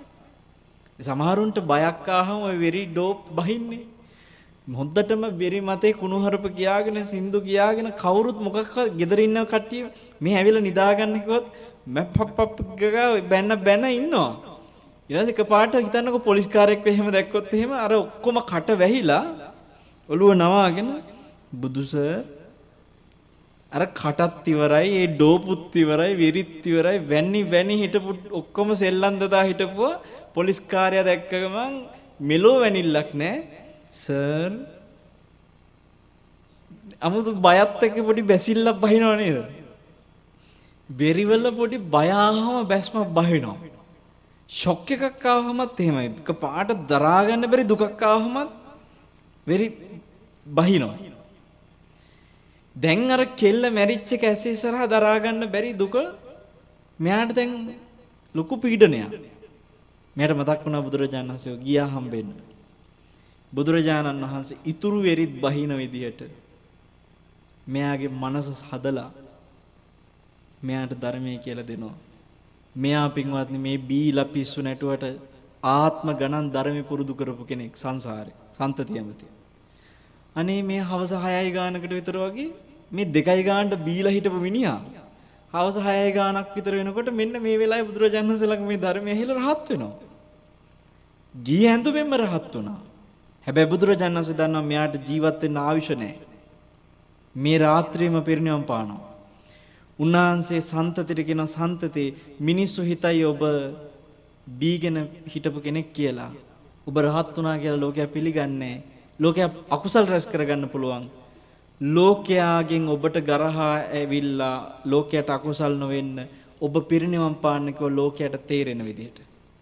සන්තති ආකාශයට නැගලා කපුරු පිච්චුව වගේ කිසිවක් ඉතුරු නොවෙන්න දැවිලා පිරණිවම් පාන්නේ. සන්තතියමදී. දැන් ඕ වගේ සිද්ධි ඇතුලේ පවා අපිට හිතා ගන්න බෑ මේ දවාලේ බීලා හිටපු මිනිහා හවස් වෙනකොට කොහොමද රහත් උනේ කියලා. ඉතින් ඒවා අරගොල්ලෝ අර උදාහරණයට අරගෙන කියනවා සීලේ වැඩක් නැහැ කියලා. උත්තරේ තමයි ඔන්න මන් දෙන්නම් ඒකට උත්තරේ. ඇයි එහෙම උනේ කියලා. එතන සීලේ ප්‍රශ්නයක් නෙමෙයි තිබ්බේ. එතන උනේ මොකද්ද? ඕගොල්ලෝ කියන්න ටීවී වැඩසටහන් වල දැකලා නැද්ද වාහන කටින් අදින වගේ මිනිස්සු? දැකලා තියෙනවද නැද්ද? දැන් එයා වාහනේ කටින් අදින්නේ පුහුණුවකින්ද නැද්ද? ඒක පුහුණුවකින්. එතර පින්වත්නි සමහරුන්ගේ අර මේ ඔලුවට ගහනවා කියලෙම උළු කැට ටිකක් එකතු කරලා උළු කැට ටික කුඩු වෙලා යනවා. ඔලුවට ගැහුවා ගම. එහෙම දැකලා නැද්ද? පුහුණුවකින්ද නැද්ද? පුහුණුවකින්. දැන් ඒක දැකලා නෝන කියනවා මහත්තයට අර බලන්න එයාගේ ඔලුවට උළු කැට පහක් කරගෙන ගැහුවා උළු කැට ටික කුඩු වුණා. ඉතින් ඒ මිනිහටත් තියෙන ඔළුවක් ඔහෙටත් තියෙන ඒ වගේම ඔළුවන්නේ. ඔහි ඉන්න පොඩ්ඩක් බලන්න කියලා නෝන අරගෙන ඔලු කැට පහක් තමන්ගේ මිනිහගේ ඔළුවෙත් ගහනවා. මොකෑ වෙන්නේ? අර පුහුණු කරලා ඒකට ඇඟ හදාගෙන එහෙම දෙයක් වෙලාද අර අහිංසකයා? ඒ වගේ පින්වත්නි බාහ්‍ය දාරුචීරියලා කියන්නේ අතීත බුද්ධ ශාසනවල පුහුණුවකින් ආපු අය. ඒක මේ හැමෝටම ගලපත හැකිද? බාහිදාරු චීරියලා අඟුලිමාලලා සන්තති ඇමතිලා ඒ චරිත ඔක්කොම අතීත ශාසනවල බොහෝ මේක වඩලා පුහුණු කරලා කරලා මේ අන්තිම මොහොතේ එක පාට මෙතනට ඇදලා දාන තැන වගේ හිටපු අය. ඒකට මේ ඕගොල්ලන්ව ගලපලා ඕගොල්ලන්ටත් එහෙම කිව්වොත් එහෙනම් ඕගොල්ලෝ සීල් රකින්න එපා. ඕගොල්ලොත් පන්සල් වල පොයවල් වලට ඔය සීල් ගන්න ඕවා කර කර ඉන්න එපා. ඔය බොරු වැඩ, ඔය පිස්සු වැඩ, ඔය කටින පිංකම් අනම්මනම් ඕ මිලෝ වැඩක් ඕනේ නැහැ. ඕගොල්ලෝ මේ ප්‍රඥාව ඇහෙන ධර්මයේ විතරක් අහගන්න. ඕගොල්ලන්ටත් පුළුවන් බාහිදාරුචිරිය වගේ රහත් වෙන්න. කිව්වොත් එහෙම ඕගොල්ලන්ට ඕගොල්ලෝ එකපාරට අර උදාහරණ අරගෙන හිතුවොත් එහෙම ආ ඌ හාමුදුරනේ මටත් එහෙනම් ඕනේ නැහැ සීලේ. අපිත් බාහිදාරුචිරියල වගේ මේකට ඉක්මනට ප්‍රඥාව ඇති කර ගන්න ඕනේ කිව්වොත් එහෙම හරියට අර ඔලු කැට ටික ඔලුවේ ගහගත්ත අර මෝඩ ගෑණිකි මිනිහා වගේ. පින්වත්නි සාපේක්ෂ කරන්න බෑ කියන එකට හොඳම උදාහරණය තමයි බලන්න ආනන්ද හාමුදුරුවෝ මුළු ත්‍රිපිටකයේම ඔළුවේ තිබුණද නැද්ද? බුදුරජාණන්සේ පිරිනිවන් පාද්දී උන්වහන්සේ දේශනා කරපු සියලුම ධර්ම ආනන්ද හාමුදුරුවන්ගේ මතකෙ තිබුණද නැද්ද? එහෙම තිබිලා ආනන්ද හාමුදුරුව බලන්න බුදුරජාණන් වහන්සේ ළඟ අවුරුදු 25ක් උපස්ථාන කරලා අවුරුදු 25ක් ඒ කියන්නේ ආනන්ද හාමුදුරුවන්ව උපස්ථානයට පත් කරන වෙලාවේ ඉපදිච්ච ළමෙක් ඉන්නවනම් බුදුරජාණන්සේ පිරිනිවන් පානකොට ඒ ළමයාට අවුරුදු 25ක් කසාද බඳින වයසේ. එච්චර කාලයක ඉඳලත් අවුරුදු 25ක් තිස්සෙත් ආනන්ද හාමුදුරන්ට ත්‍රිපිටකයේ මුළුවේ තිබිලත් රහත් වෙන්න බැරි වුණා. බාහිදාරුචීරිය මෙලෝ ධර්මයක් වල වෙනතර මහා පාරක පාට ධර්මය හිච්ච ගමම්ම රහත් වෙනවා. ආනන්ද හාමුදුරුවන්ට අච්චර ත්‍රිපිටකය ඔළුවේ තිබිලා මාස 3ක් පිරිනිවන් පාලා ඉවර වෙලත් කොච්චර මහන්සි වුණාද බලන්නකො රහත් වෙන්න.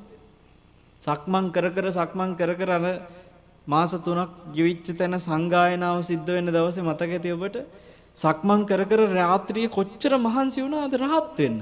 බාහිදාරුචිරිය එච්චර මහන්සි වුණාද? දැන් තේරෙනවද එක එක්කෙනාගේ පුහුණුව සසරේ වෙනස් කියලා?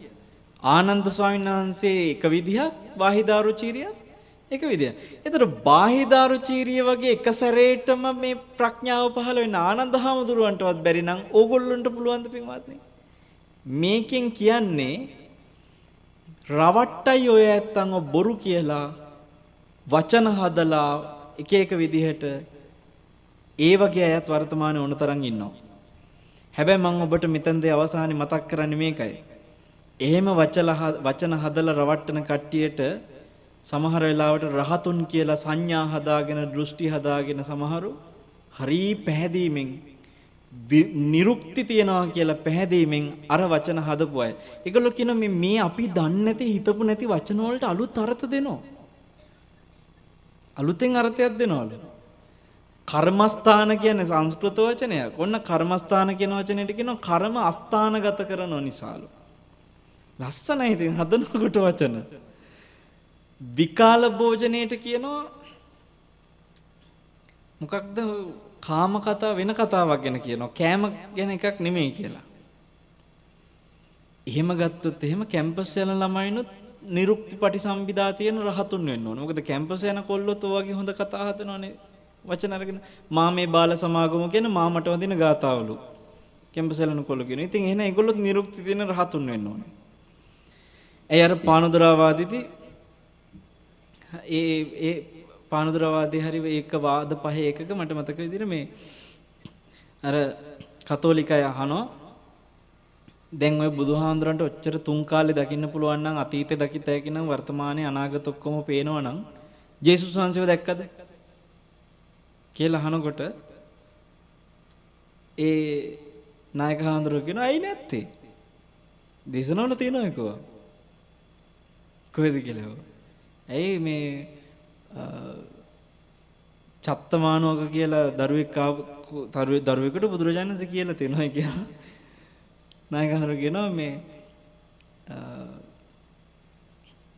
යෝවද තම්පව රෝමනු ජේසු කියලා තියෙනවලු රෝමි ජේසු ගැන කියලා.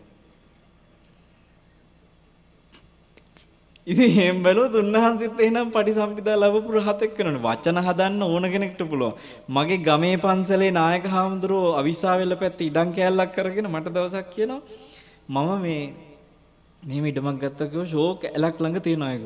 මම එතකොට ඇහුවා ඉතින් හඳුරන්නේ එහෙනම් ආරණ්‍යයක් හදන්න පුළුවන් නේද කියලා. ආරණ්‍ය හදලා ආදායමක්වත් හම්බ වෙනවා කිව්වා. නැස් කියන මං තේවත්තක් දාන්නලු ඒක හිතන් ඉන්නේ. මං ඉතින් තේවතු හදලා ඔබ වහන්සේ බිස්නස් කරන්නේ ඒව පැවිද්දට ගැලපෙන්නේ නැහනේ හාමුදුරනේ කියනකොට කියනවා. එයින ওই සූත්‍ර වල තියෙන මේ මගේ නායක හඳුරන්නේ මේ හොඳේ මම ගමේ පන්සලේ නායක හඳුරනවා. සූත්‍රවල තියනවලු. මම මොකක්? ඒක හොයද කියනකොට ඇයි ඔය තියෙන්නේ අමතර වියදම් පියව ගන්න තේවවන්න කියලා? කොහෙද? කියලා කියනවා. තේපත්ති පත්තා අමතං විගහ්‍ය කියන්නේ තේපාත්ති වල අමතර වියදම් පියව ගන්නවලු. ඈ පින්වත්නි පාලි වචනයට ගැලපෙන්න සිංහල අර්ථ දෙන්න එහෙම පුළුවන් නම් ඕන කෙනෙක්ට අර කට්ටියත් කියාවි නිවනට අලුත් අලුත් ඔහොම අර්ථකත පටි පටිච්ච සමුප්පාදයට දැන් ඒ වචන වචන හදලා රවට්ටන කට්ටිය කියප පටිසමුපාදයට කියන පටි කියන්නේ බඳිනවලු. ඉච්ඡ කියන්නේ ආසාවලු. සම උප්පාද පටි ඉච්ඡ සමුප්පාද කියලා. ඉතින් එතනදී දැන් ඉච්ඡ කියන එක වචනේ ගත්ත පාලි පැත්තෙන්. පටි කියන එක බඳිනවා කියලා අරගත්තේ බැඳීම කියලා සිංහ අපි සිංහලෙන් කියන්නේ ඉනේ බඳින පටි කියලා. අන්නේ අර්ථයෙන් පටි අරගෙන. ඒතර සිංහලයි පාලි ඔක්කොම එකතු කරගෙන මේ වචන වලට අර්ථ දෙනවා. මිනිස්සු හම්බී නොයසෝ විරු සැඟවුණු දහමක් අතයි ඇහුවේ. මිය මිය මේ මතුවෙච්ච හැංගිච්ච ධර්මේ මතක තියාගන්න බුදුරජාණන් වහන්සේ පෙන්වන පින්වත්නි පහදින්න ඕන කෙනාට අපහැදුනත් නිරේ යනවා අපහදින්න ඕන කෙනාට පැහැදුනත් නිරේ යනවා ඒකයි තියෙන භයානකම එතකොට දැන් අර වගේ වචන හදා හද දැන් අර හදන එක නිර්මාණාත්මක දක්ෂකමක්ද? ශ්‍රද්ධාව නැති මෝඩකමක්ද? ශ්‍රද්ධාවක් නැති මෝඩකමනේ. ඉතින් ඒ ශ්‍රද්ධාවක් නැති මෝඩකම තුලත් පින්වත්නි වර්තමානයේ වචන බෙදලා හදලා විකෘති කරනකොට මම නම් කල්පනා කරන්නේ මේ අය කවදා හරි දවසක නිවන් දකින්නේ? කවදා හරි දවසක? දැන් ඔහොම හිටියොත් නිරේ යනවා. ඒක ස්ථිරයි. හැබැයි කොබලන ඕගොල්ලෝ දන්නේ මේ වචන හදලා රවට්ටන කට්ටිය ළඟට යන දන්න කියන අය ඉන්නවනම් අතොසන් බලන්න යාළුවෝ එහෙම ඉන්නවනම් දන්න කියන අය මං කියන ඕගොල්ලෝ යනව නන් නෙමෙයි. දන්න කියන අය ඉන්නවද කවුරුත්? එහෙම ඉන්නවනම් පින්වත්නි ඒ අයට බනින්න එපා. දොස් කියන්න එපා. මොකද ඒ හැමෝම හොයන්නේ නිවනද නැද්ද? ඒ තැනට යන අය හොයන්නෙත් නිවන. ඒගොල්ලන්ගේ ඔළුවේ තියෙන දෘෂ්ටියයි සංඥාවයි තමයි ඒක. ඒගොල්ලන්ට හිතනවා මේ අර්ථ දුන්නේ රහතෙක්. ඒගොල්ලන්ගේ සංඥාව, ඒගොල්ලන්ගේ දෘෂ්ටිය. ඕගොල්ලෝ ඒක වාද කරගන්න එපා. ඕගොල්ලෝ අනුකම්පා කරන්න. මේ අයත් නිවනනේ හොයන්නේ කවදා හරි දවසක මේගොල්ලන්ට නිවන ලැබේවා කියලා අනුකම්පා කරන්න. මොකද මම බැලුවේ බාහිදාරු චීරියත් රවට්ට රවට්ට හිටියන රහතෙක් රහතෙක් කියලා මිනිස්සුන්ව දරකෝටු ඇඳගෙන අන්තිමට රහතන් වහන්සේ නමක් විදියට බොරුවට රවට්ට රවට්ට රවට්ට රවට්ට ඉඳලා මිනිස්සුන්ව රහතුන්ට ලැබෙන දානේ ගත්තා. ඒ කියන්නේ හොරකමක්. රහතුන්ට ලැබෙන සත්කාර සම්පාන රහතෙක් නොවි බොරු කියලා ගත්තා. එහෙම බොරු කරපුගෙන අන්තිමට රහත් උනානේ.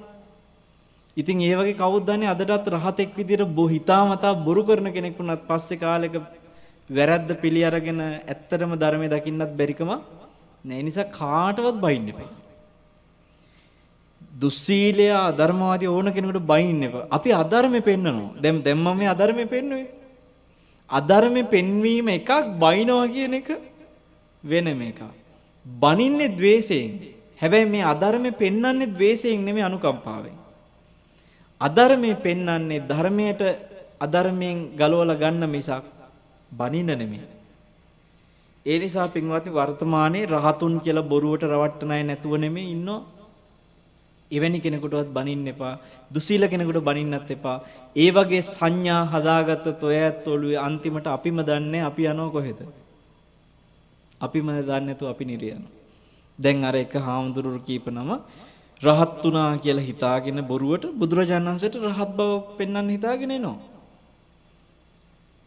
එනකොට බුදුරජාණන් වහන්සේ දැක්ක මේ උන්වහන්සේලා ආවට රහත් නැහැ. දැන් මේ බුදුරජාණන් වහන්සේට කියන්න හිතාගෙන ආවේ ස්වාමීනි අපි රහත් වුණා කියලා. ආනන්ද හාමුදුරුවන්ට බුදුරජාණන් වහන්සේ කිව්වා ආනන්ද තව ටිකකින් උන්වහන්සේලා ටිකක් එයි මේ ජේතවනයේට ඇතුල් වෙනකොට වෙන්න කලින් ඒ උන්වහන්සේලාට ගිහිලා කියන්න මම කිව්වා කියලා ටිකක් සොහනට ගිහිල්ලා භාවනා කරලා ඉන්න කියලා.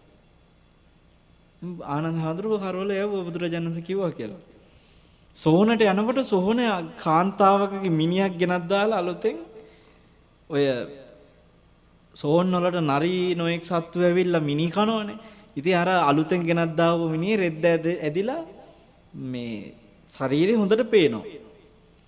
කැලේ ඉන්නකොට ඉතින් ඕවාම් පේන්නේ නැති හින්දා කැලේ ඉන්නකොට රාගය යටපත් වෙලා හිතන් හිටියේ රහත් වෙලා කියලා. එකපාරටම සෝහනේදී අරග දකින්නකොටම මේ හාමුදුරුවන්ගේ රහත් බව ආව එළියට.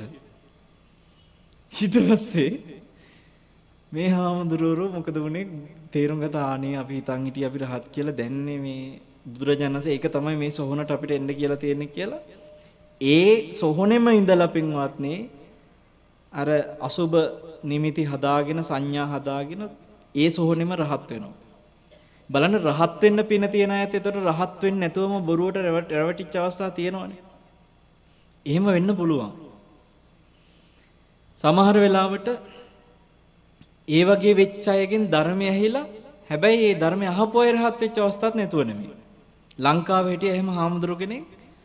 ඒ හාමුදුරු රහත් වෙලා කියලා හිතාගෙන හිටියා ගෝල හාමුදුරුවරුත් ගොඩක් හිටියා. එක ගෝල හාමුදුරු කෙනෙක් දැක්කා ගෝල හාමුදුරු රහත් හොඳට ඉරිදිත් තිබ්බා.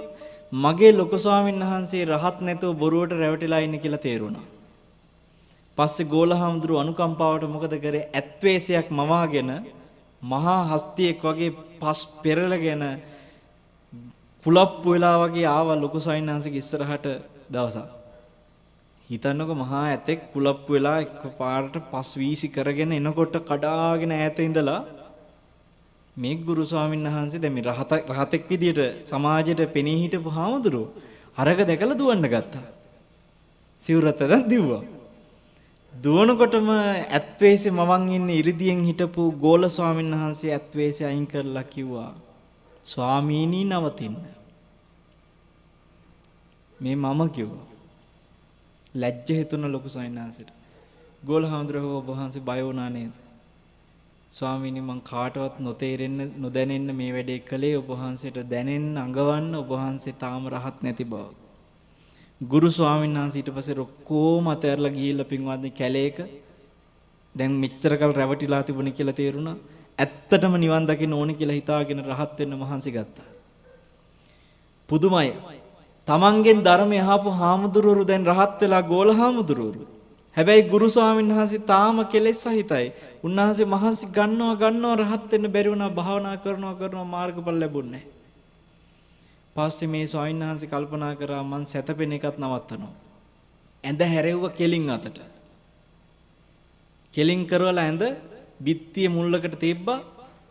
තීරණයක් ගත්තා. රහත් වෙනකන් මම මේ ඇඳ ආයි පෙරලන්නේ රහත් වෙනකම් මං ඒ ඉරියව්වෙන් සැතපෙන්නේ නිදිමතක් ආවොත් එහෙම වාඩි වෙලාම බිත්තියට චුට්ටක් හේතු වෙලා නිදිය ගත්ත පොඩි වෙලාව. සම්පූර්ණ නිදියන ඉරියව් අතෑරියා. එහෙම වීරිය කරලා තමයි රහත් උනේ. මේ ලංකාවේ. ඒතර පින්වත්නි පේනවා රහත් නොවේ හිටපු පෘතජ්ජනව හිටපු ඒ හාමුදුරුවන්ගෙන් ධර්මය අහලා රහත් වෙලා ගෝලයෝ අරහාමුදුරුව අදිමාන්නක හිටියා බොරුවට රහත් වෙලා කියලා. දැන් අර අර වචන හදලා රවට්ටන කට්ටිය කියනවා මාර්ගඵල ලැබලා නැති අයගෙන් බණ කොහොම රහත් වෙන්නේ නැල්ලු. දැන් ඔය පේනෝනේ අගේට රහත් වෙලා තියෙන මෙලෝ මාර්ගඵලයක් නැති තැනක. එහෙම සිද්ධි තියෙන ඕන තරම්. ඔබ සමාජය තුල මම අද මේ මතක් කරන්නේ සංඥා හදාගන්න එපා මනසට ඒ සංඥා වලින් දෘෂ්ටි හදාගන්න එපා එක එක්කෙනා සම්බන්ධව ද්වේෂ සහගතව දුස්සීලයා මෙහෙමයි කියලා විවේචනය කරන්න. මං ඔය අධර්ම කරුණු ටික පෙන්වුවෙත් දෘෂ්ටියක් පිණිස නෙමෙයි ඔයගලන්ට බුදුරජාණන් වහන්සේ පෙන්නනවා පින්වත්නි රත්තරණුයි ඉමිටේෂනුයි දෙකක් තියෙනවා අනාගතේ. ඉමිටේෂන් ගැන බුදුරජාණන් වහන්සේ පෙන්නලා තියෙනවා සද්ධම ප්‍රතිරූපක කියන සූත්‍රය. උන්වහන්සේ පෙන්වන මහණෙනි අනාගතේ රත්තරන් වගේ ව්‍යාජ ඒවා එනවායි කියලා. ඒ කියන්නේ බුද්ධ කාලේ ඉමිටේෂන් තිබිලා නැහැ. පස් අනාගතේ එනවායි කියනවා. ඒ වගේ ධර්මයේ නාමයෙන් අධර්මයක් එනවායි කිව්වා. උන්වහන්සේ පෙන්වන ධර්මවාදියට ධර්මෙත් ධර්ම විදිහට පෙන්වන අධර්මෙත් අධර්ම විදිහට පෙන්වන්නේ. ඇයි පින්වත්නි ඉමිටේෂන් ගැන නොදන්න මිනිසෙක් හිටියොත් එහෙම ඒ මිනිසයා රත්තරන් කියලා ඉමිටේෂන් වලටත් අහු වෙනවද නැද්ද? ඒ නිසා දෙකම පෙන්වන්න ඕනේ. මේ කලේ ඒ වැඩේ. ධර්මය අධර්මය පෙන්වලා දෙන එක. හැබැයි මම ඔබට මේ ටික පෙන්නලා කියන්නේ අධර්මවාදියට උනත් බනින්න එපා යම් දවසක අධර්මවාදියක් ධර්මය අවබෝධ කරන දවසක් එන්න බැරි නෑ. බාහිදාරු චීරියලත් රවට්ට රවට්ට ඉඳලා රහත් වුණා වගේ මං කියන්නේ අධර්මවාදීන් උනත් දවසක ඇත්තරම ධර්මය දකින්න පුළුවන්. ඒ නිසා කිසිම කෙනෙක් ගැන දෘෂ්ටි හදාගන්න එපා සංඥා හදාගන්න එපා ද්වේෂ සහගතව. තමන්ගේ gedara වුණා. දැන් තමන්ගේ gedara සමහර වෙලාවට එක්ක නෝන බනහන්න එනවා. මහත්ය සමහර වෙලාවට මොකද වෙන්නේ? මහත්ය ඉන්නව බැන බැන. අන්තිමට දවසක නෝනටත් කලින් මහත්ය රහත් වෙන දවසක් එන්න බැරිද? පුළුවන්. දැන් ඔබ හිතන්න නන්දහාමුදුරුවෝ අර ජනපද කල්යාණී හින්ද පිස්සු ඇහැදිලා වගේ මේකප් කරලා ලස්සන්ට සිවුරු පොරෝගෙන මේකප් කරලා තියෙනවා අඳුන් ගෑවා කියලා කියන මෝනේ ඇහි බැමි හදාගෙන හැමදාම අරයා ඉන්න පැත්තට යනවලු පින්න පාතේ දැන් එහෙම මේ සිවුරු ඇරලා යනවම කියන මානසිකත්වයෙන් අර වගේ විකාර කර කර හිටපු හාමුදුරුවෝ අන්තිමට දෙවියන් අතරට බුදුරජාණන්සේ එක්කන් ගියානේ ඉරිදි බලෙන්. බුදුරජාණන්සේගේ ඉරිදි බලෙන් ඒ එක්කන් ගියාට පස්සේ එතනත් පුදුම අසංවරයක්. අර දිව්‍යාංගනාව දැක්කට පස්සේ එහි බලනවා මෙහි බලනවා මෙහි බලනවා එබෙනවා අර දිව්‍යාංගනාවන්ගේ අස්වල් වල කියන්නේ එහා පැත්තෙන් හැරිච්ච කෙනා කකුල් මේ පැත්ත කෙනා දිහා බලනවා එබෙනවා හාමුදුරු කෙනෙකුට ගැලපෙන විදිහට මෙතන හිටියේ. මම ලස්සනයි නේද? මෙයා ලස්සනයි නේද බල බල ඉන්නවා. පිස්සු හැදලා වගේ. බුදුරජාණන් වහන්සේ දැන් හිතන්නකෝ එක මාලිගාවේ එකම තාත්තගේ පුතාලා දෙන්න. සුද්ධෝදන රජතුමාගෙන් පුතාලා දෙන්නනේ. අයියයි මල්ලිනේ. අම්මලා දෙන්න විතරයි වෙනස්. මේ නංගිගේ පුතයි අක්කගේ පුතයි. නේ එකම මාලිගාව එක තාත්තගේ පුතාලා දෙන්න. අයියා මල්ලිකමට වගේ කියලා තමයි නන්දහාමුදුරුවෝ හිතුවේ මේ වෙලාවේ බුදුරජාණන්සේගේ සාකච්ඡාව. මොකද බුදුරජාණන්සේ හව නන්ද ආසද කියලා ඇහුවා. ආසද කියලා අහනකොට නිකන් අර අයියා මල්ලිගෙන් ඇහුවා වගේ දැනෙන්නේ නැති නන්දහාමුදුරුවන්ට. නන්දහාමුදුරුවන්ට ඒ වෙලාවේ එච්චරට අසංවරයක් තිබ්බේ. ෂෝක් කියලා කියෙන්නේ නැති. නන්දට දෙන්නද කෙනෙක් කියලා අහනකොට අයියලා මල්ලිලට සපෝට් එකට වගේ අහන විදියට හිතෙන්න ඇති. මං කියන්නේ බුදුරජාණන් වහන්සේ එහෙම හෙව නෙමෙයි. අරයට එහෙම හිතෙන්න ඇති. දෙන්නද එක්කෙනෙක් කෙනකොට අනේ හා කියන්නේ.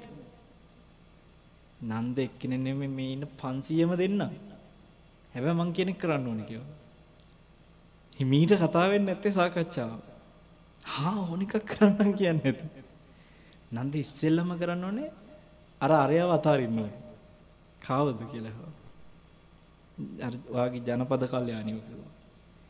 ආපෝ ඒ යාව මම දැනුත් අතෑරලා කිව්වා ඉන්නේ මට ඒ කියව පේන්නේ අර අලුතෙන් පුච්චලා දාපු හේනක අලු ගාගෙන දුවන නාකි වැඳිරියෙක් වගේ කිව්වා. මේ ඩිංගට බලන්නකො මේ හඳුරු ඒකිව අතෑරලා තියෙන අතෑරිලා දැකලා තියෙන සංඥාව. දැන් දැකලා තියෙන්නේ මේ වගේ කියලා. මේ මේ ඈතක ගලපගෙන. හැබැයි ලංකාවේ කියන්නේ මේ සාමාන්‍ය ලෝකෙ මිනිස්සු කියයි අර එහෙම හිටියොත් අවංක ආදරය කියලා. දැන් දැකනේ අවංක ආදරයට වෙච්ච දේ අර දැකපු ගමන් සාපේක්ෂව. ඊට පස්සේ කිව්වා හරි නන්ද දැන් එහෙනම් අතෑරියා නම් මං ඉතුරු ටික ගියාම කියන්නම් කිව්වා කරන්න ඕන ටික සතිපට්ඨාන වඩන හැටි පෙන්වනවා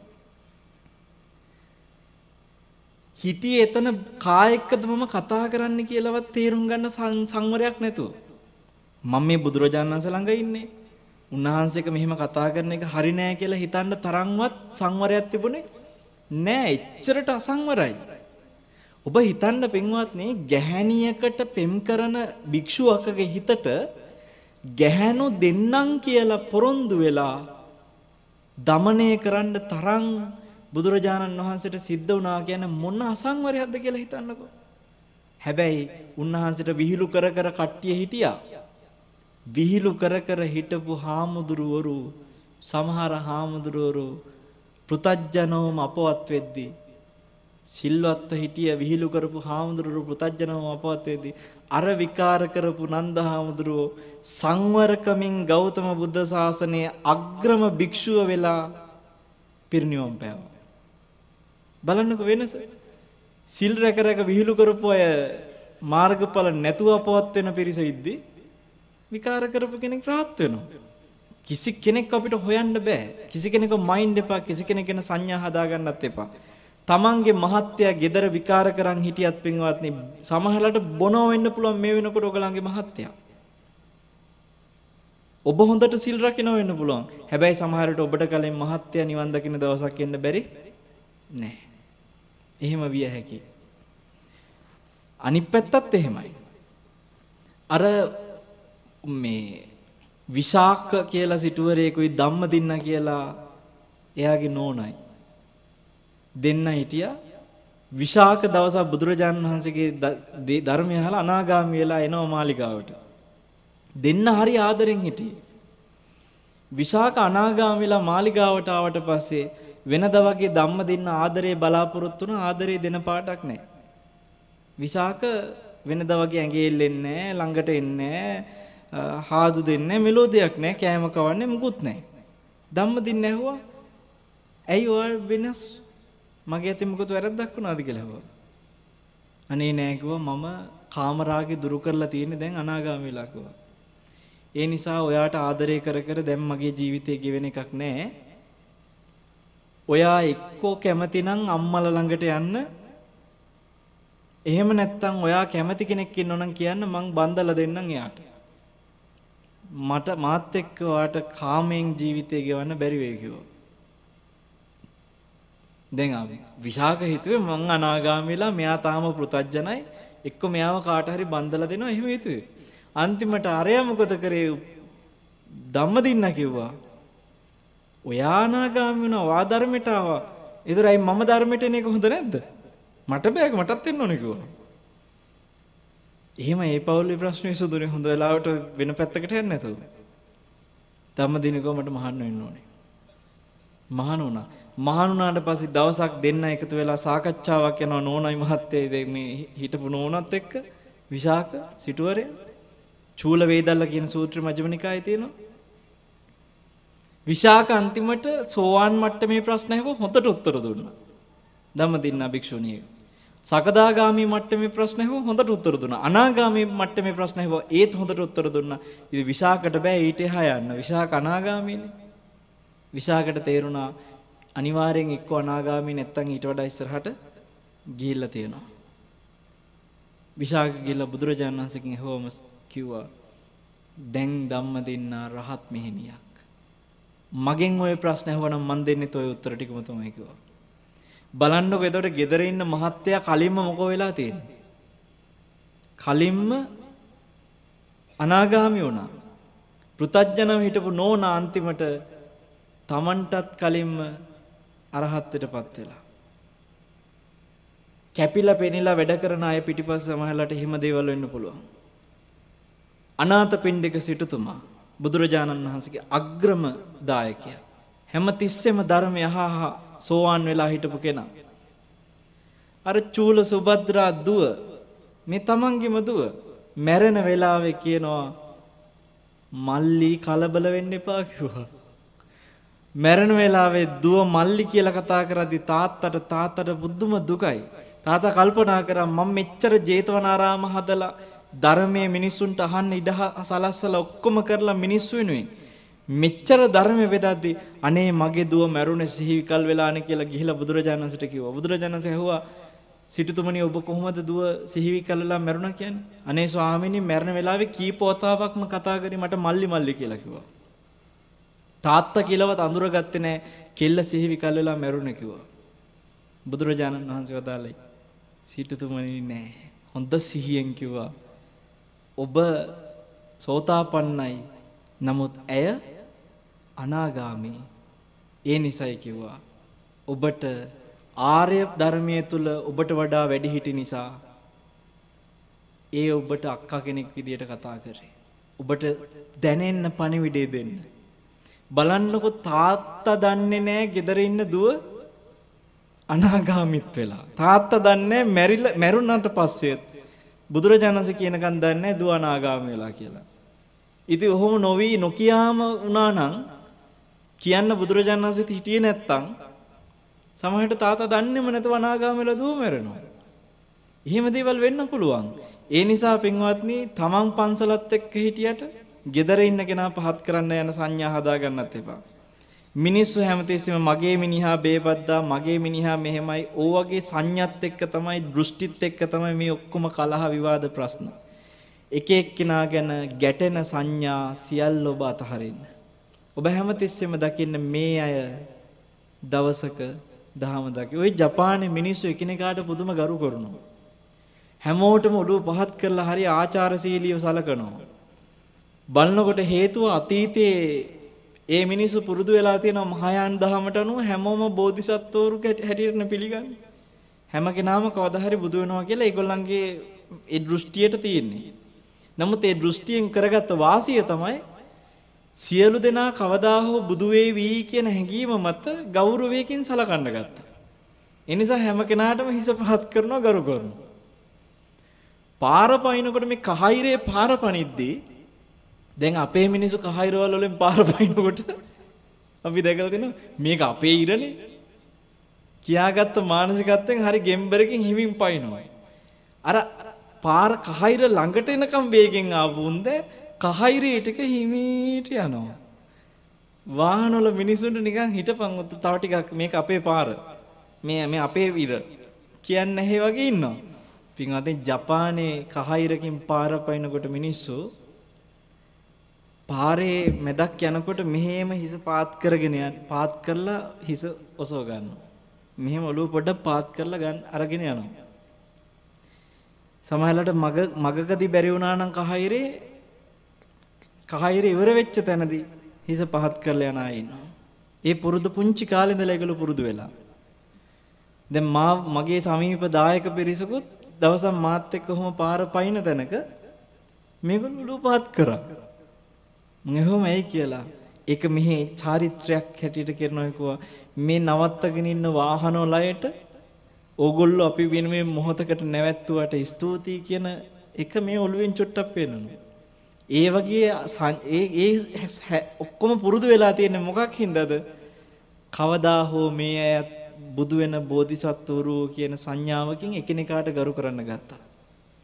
අද අපේ රටේ වෙලා තියෙන පින්වත්නි සංඥා හදා ගන්නෙම මිනිස්සු එකිනෙකා ගැන ගැටෙන්න මිනිස්සු එකිනෙකා ගැන අඩුපාඩුම හොය හොය හැම වෙලාවෙම හදාගන්නේ ඒ සංඥා.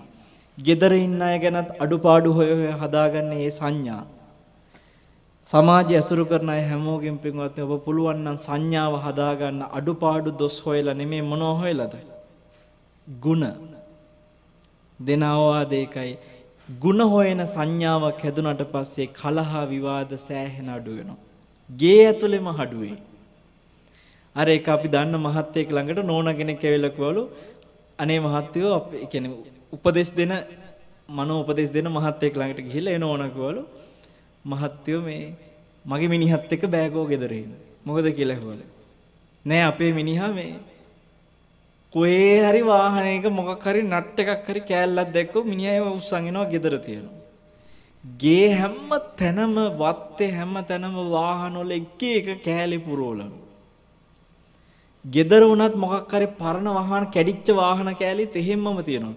මුළු ගෙදරම ගරාජ් එකක් වගේ මහත්තයෝ මිනිහත් එක්ක එපා වෙලා තියෙන කිව්වා ජීවත් වෙලා. සමහරුන්ගේ තියෙනවනේ එහෙම එක එක ඔය පාරේ මොනවද දැක්කත් ඔය උස්සන් එනවා ගෙවල් පුරවනු අර මොනසේ ඒ જાතිය ඉතින් වාහන කෑලි පිරලලු ගෙදර.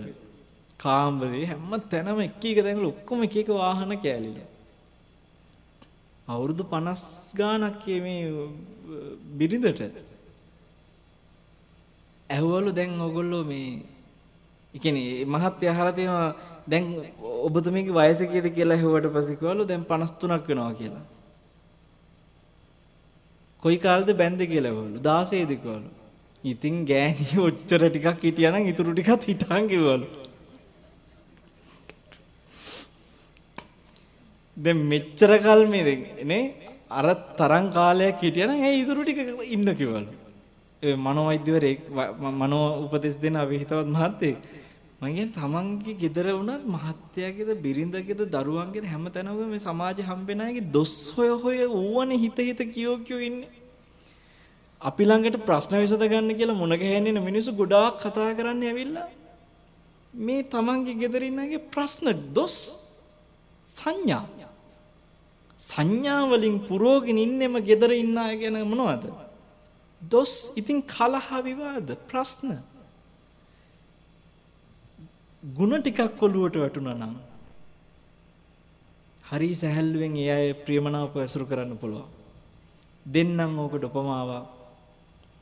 වතුර තිබහෙන් යන මිනිස්සෙක් සාරිපුත්ත මහරහතන් වහන්සේ පෙන්නවා යනවති පිපාසෙන් පොකුණක් හොය හොය කැලේ යද්දි කැලේක යන මිනිහෙකුට වතුර ටිකක් නැති වුණොත් ළඟ දැන් වතුර ටිකක් කොහෙද ඇත්තේ ගගා හොය හොය හොය හොය යනවනේ යනවා යනවා වරුවක් තිස්සේ හම්බුන්නේ වතුර ටිකක් තියෙන තැනක් කැලේ ඇස්සෙන් යන මේ මිනිහයාට. දැන් මේ මිනිහයාට ක්ලාන්තයි. වතුර නැතුව. ඔන්න වාසනාවකට වගේ පොකුණක් තියනවා දකින්න. දුවල යනවා පොකුණ ළඟට පුළුවන් තරම් ඉක්මනට අමාරුයි. දැන් මේ වතුර පිපාසෙන් ආවේ හොඳටම දිවකට වේලිලා. හැබැයි පොකුණේ උඩ සෙවල පරඬල් පිරීලා. සාරිපුත්ත මහරහතන් වහන්සේ අහනවා දැන් සෙවල පරඬල් පිරලා තිබ්බට පොකුණ අතෑරලා යයිද? නෑ. නැත්නම් සෙවල පරඬල් එක්කම බොයිද? නෑ. සෙවල පරඬල් ටික අතින් ඈත් මෑත් කරලා යටින් තිබිච්ච වතුර ටික අරන් බොනවා. අන්න ඒ වගේ මේ සමාජයේ පේන මිනිස්සුන්ගේ සෙවල පරඬල් උඩින්ම පේන්න තියෙන එක දොස් ඒ සංඥාව ගන්නෙ නැතුව ඒක දෘෂ්ටියක් කරගන්න නැතුව මේ මිනිහා මෙහෙමයි කියලා අර සෙවල පරඬල් ටික ඒක හිතින් ඈත් මෑත් කරලා මේ මිනිහයාගේ හැංගිච්ච ಗುಣ හොයන්න කියනවා. ඒක සංඥාවට ගන්න කියනවා. ඒක සංඥාවට ගත්තට පස්සේ කලහ විවාද ප්‍රශ්න නැතුව සමගියෙන් ඉන්න පුළුවන් වෙනවා කියනවා. ඕක තමයි පින්වත්නි සංඝයා අතරේ පවා තියෙන රහස. අද සංඝයාට අද ගොඩක් ඕක නැහැ. අද ගොඩක් වෙලාවට මේ සංඝයාතරේ වාද තියෙන්නේ, තරක තියෙන්නේ, විවාද තියෙන්නේ, ප්‍රශ්න තියෙන්නේ. සෙවල පරඬල් ටික තමයි බීලා තියෙන්නේ. ඉතින් ලෙඩ. සෙවල පරඬල් බිවම ඉතින් ලෙඩනේ. බඩේ අමාරු ඇදිලා ප්‍රශ්න වෙලා දැන් කියෝ කියෝ ඉන්නවා. ඒකෙන්ද අපි එකිනෙකා පුරුදු වෙමු ಗುಣ හොයන්න. අපි හැමෝගෙම සංඥා හදාගමු ಗುಣ. ඕගොල්ලෝ ඒක නිකන් පුරුද්දක් කරගන්න ජීවිතේ. සාමාන්‍යයෙන් මේක ලේසි පුරුද්දක් නෙමෙයි අමාරුයි. මොනවා හරි ಗುಣ හොයන්න. හැමතිස්සෙම මේ ಗುಣ කියන්න. ඒක කියන්න පුරුදු වුණාට පස්සේ කියන්න ඕනකමටම හොයනවා. මෙයාගේ මොනවද තියෙන්නේ? දැන් අර සාරිපුත්ත මහරහතන් වහන්සේට ටොක්කක් එන්නනේ යකෙක් අහලා තියෙනවද? භාවනා කර කර ඉදි ගල්තලාවක් මුදුනේ යකෙක් ටොක්කක් එන්නා. මුගලන් මහරහතන් වහන්සේ ළඟපාතක නෙමෙයි හිටියේ. මහා දුරක. හැබැයි අර ටොක්ක එනපු එක දිබ්බ චක්කු ඥාණයෙන් දැක්කා. දැකලා මුගලන් මහරහතන් වහන්සේ ඒ වෙලාවෙම පහළ වුණා සාරිපුත්ත මහරහතන් වහන්සේ ළඟ පහළ වෙලා අහනවා ස්වාමීනි ඔබ වහන්සේ සනීපෙන්ද කියලා ඇහුවා. ආව් ඒ කියලා ඇහුවා. නෑ ඔබ වහන්සේගේ මේ මොකද වේදනාවක් එහෙම නැද්ද හිසේ කියලා ඇහුවා. සාරිපුත්ත මහරහතන් වහන්සේ හිස අත ගාලා ඇහුවා කිව්වා මේ පොඩි කැක්කමක් නම් තියෙනවා තමයි කිව්වා. සා මුගලන් මහරහතන් වහන්සේ වැඳගෙන කියනවා සාදු සාදු ඔබ වහන්සේ නා හරිම ආශ්චර්යයි ස්වාමීනි. හරිම පුදුමයි ඔබ වහන්සේ. ඔබ වහන්සේට මේ අසවල් යකා දැන් ටොක්කක් යන්න. ඔබ වහන්සේගේ හිස දිලිසෙනවා කියලා යකාට ආස හිතිලා ටොක්කක් යන්න. තට්ට දිලිසෙන එකට හඳ එළිය වැටලා. පුදුම යකෙක්. දැන් දැන් අදට මිනිස්සු වගේ එක එක දේවල් වෙලා මැරෙනවා. සමහරවිට දන්නේ නැහැ නේ ડોක්ටර්ස්ලා කියනවා මොකක්ද තැල්මක් තියෙනවා. එහෙම හොයන්න බෑ ලෙඩක් හිතා ගන්න බැරි. එහෙම ලෙඩ තියෙනවා. මොනවා වෙලාද කියලා තේරුම් ගන්න බැරි. මුගලන් මහරහතන් වහන්සේ කියනවා ඒ යකා ටොක්ක එනපු ඒ ඇනිල්ල සාමාන්‍ය මිනිස්සෙකුට ඇනුණා ඒ මිනිස්සයා ජීවත් වෙන්නේ නැහැ. ඒ මිනිස්සයා ජීවත් වෙන්නේ ඔබ වහන්සේ ඒ වෙලාවේ සමවැදිලා හිටපු සමාධියේ බලය පුදුමයි. ඔබ වහන්සේගේ සමාධිය කොහොමද කියලා හිතාගන්න බෑ ස්වාමීනි. ඔබ වහන්සේට ඒ ටොක්ක දැනිලත් නෑ ඔබ වහන්සේ කියනවා පුංචි කැක්කුමක් තියනවලු. ඔබ වහන්සේ පුදුම ආශ්චර්යයි ස්වාමිනී කියලා දැන් මේ අර ටොක්ක දැනුන් නැති එකට මේ මුගලන් මහරහතන්ස වර්ණනා කරනවා. රහතුන්ගේ ස්වභාවය බලන්න වර්ණනාවක් ඇහුනම දැන් අද නම් එහෙම කවුරු හරි ප්‍රශංසා කරාම තෑන්ක්ස් අනේ කියනවනේ. කෙනෙක් මොකක් හරි ගුණයක් කිව්ව ගමන් අනිත් එක්කෙනා තෑන්ක්ස් අනේ කියනවා. එතකොට හරිය welcome you welcome. Thanks you welcome you තමයි දෙන්නට ඉතුරු වෙන්නේ. රහතුන් කලේ මොකද්ද? කෙනෙක්ගේ ගුණයක් කිව්ව ගමන් ගුණේ අහගෙන හිටපු අනිත් එක්කෙනා පෙරලලා තව ගුණයක් කියනවා අනිත් එක්කෙනාගේ. දැන් මුගලන් හාමුදුරුවෝ ගුණයක් කිව්වනේ සාරිපුත්ත මහ රහතන් වහන්සේගේ. සරියුත් මහ රහතන් වහන්සේත් මොකද කළේ? ගත්ත එතනින්ම ගුණේ. මොකද්ද ගුණේ? මට ඇනිච්ච ටොක්ක ඔබ වහන්සේ මෙච්චර දුර ඉඳලා දැක්කනේ. ඔබ වහන්සේගේ දිබ්බ චක්කු ඥානෙ පුදුමයි. ඔබ වහන්සේට ඒක දැනිච්ච හැටි. ඔබ වහන්සේ මේ වගේ මටවත් දැනගන්න ලැබිච්ච නැති එක. ඔබ වහන්සේ දැනගන්න තරම් අනේ සාදු සාදු ඔබ වහන්සේගේ ආශ්චර්යමත් ඥානයක් ස්වාමීනි කියලා මුගලන් මහරහතන් වහන්සේ වර්ණනා කළා. බලන්න එක නමක් තව සයනස නමක වර්ණනා කරද්දී අනිත් සයනසෙත් අනිත් සයනසෙ වර්ණනා කරගත්තා. පුදුම එහෙමයි එදා සංඥා රහතුන් තුල ඒ සංඥා උපාදාන ස්කන්ධ නෙමෙයි රහතුන්ට සංඥා ස්කන්ධ. සංඥාව උපාදාන වෙලා නැහැ. උපාදානෙ වුණාම තමයි මේව ඇලීම් ගැටීම් මේක ප්‍රශ්න තියෙන්නේ. අපිට පින්වත්නි ඔන්න ඔය ක්‍රමේ පුරුදු වෙන්න පුළුවන් නම් ඕගොල්ලෝ හැම වෙලාවෙම කෙනෙක්ව මූණටම වර්ණනා කරන්න යාගේ ಗುಣ. ගුණයක් දැකලා වර්ණනා කරන පුරුද්දක් හදාගත්තම ඔබට ඔබ හිතාමතාම ಗುಣ හොයන්න පටන් ගන්නවා. කියන්න ඕනුනහම දැන් හොයනවනේ.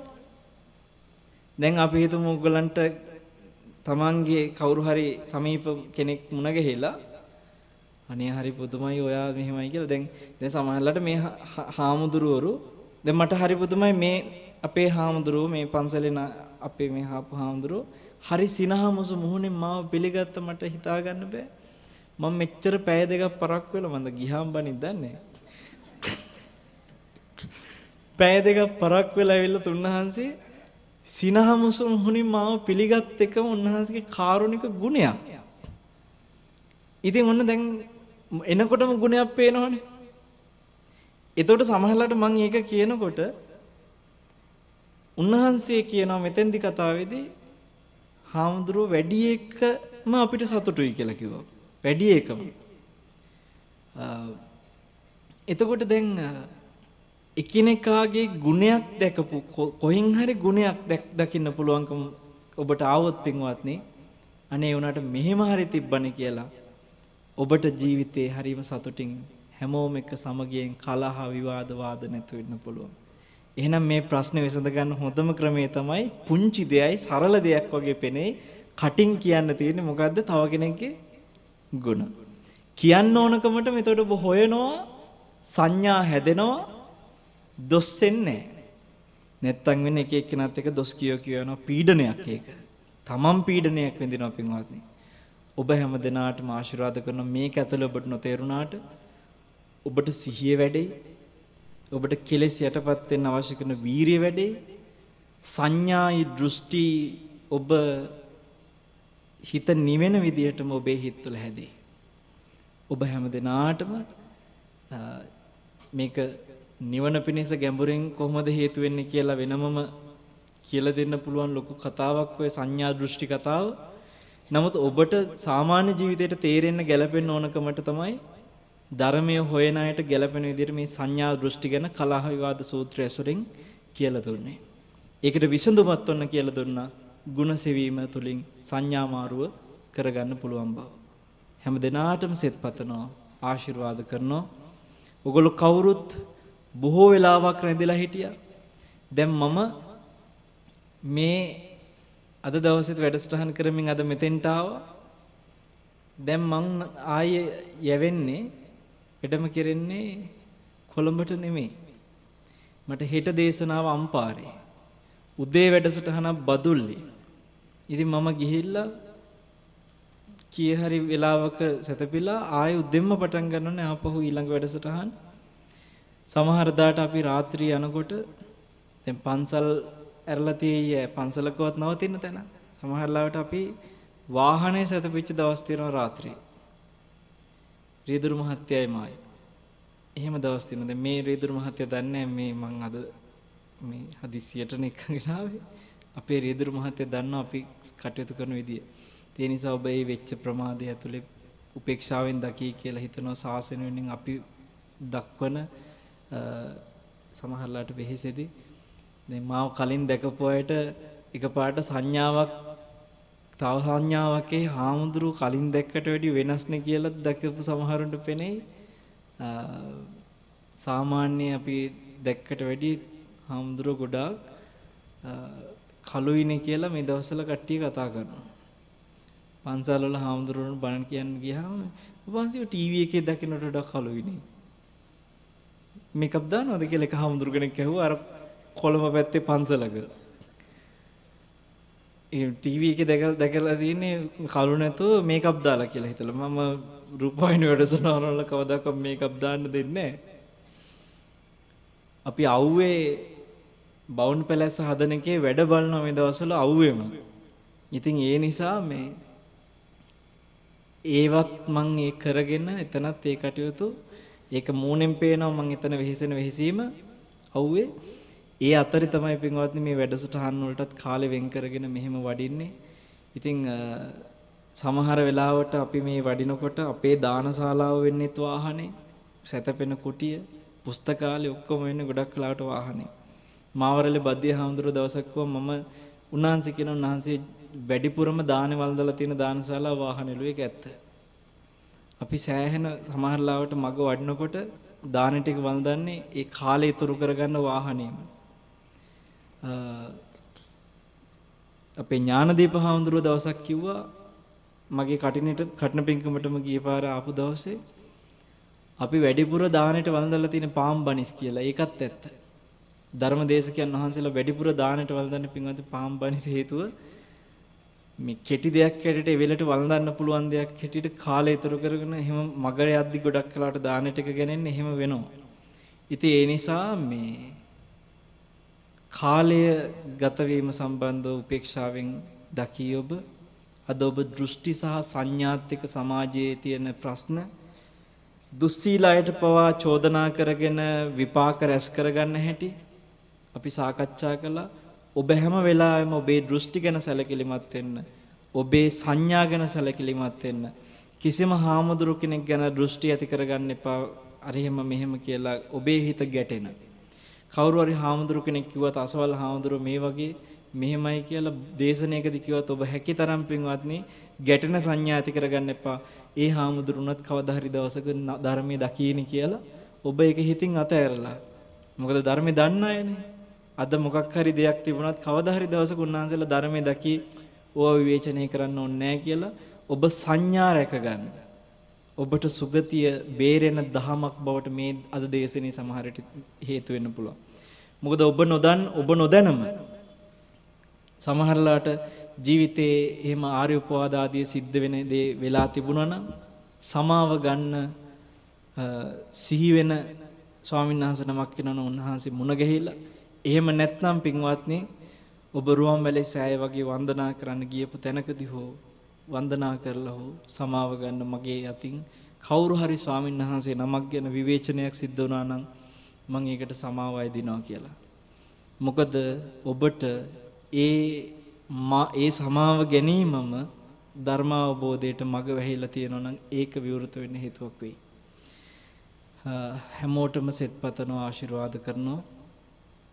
ඔබට මෙතෙක් වේලා ධර්මයේ කියා දෙමින් රැස් කරපු සියලු පිනත් මම මේ ජීවිතය තුළ ධර්මාවබෝධය ඇති කරගන්න බොහෝ දෙනාට බොහෝ දේශන සිදු කරමින් ධර්ම ප්‍රචාරය තුළ අපි රැස් කරගන්න හැම පිනකම පුණ්‍ය ආනිසංස බලයෙන් ඔබ හැම දිනාටම සෙත් පතනවා ඔබ හැම දිනාටම ආශිර්වාද කරනවා ඔබ සියලු දිනාටම මේ සියලු පින් බලෙන් චතුරාර්ය සත්‍ය අවබෝධයම ඉක්මන් වෙත්වා කියලා ආශිර්වාද කරනවා.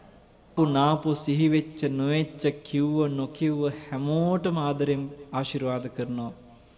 මෙතෙක් වෙලා සිටි ඔබ හැම දිනාටම සමහරලට හදිසි කටයුතු මොන හරි දෙයක් නිසා ඉන්න බැරුව යන්න වෙච්ච හැම දිනාටම ආශිර්වාද කරන හැමෝටම වචනෙන් හෝ සහ සම්බන්ධුණු සියලු දෙනාම සුවපත් වෙත්වා.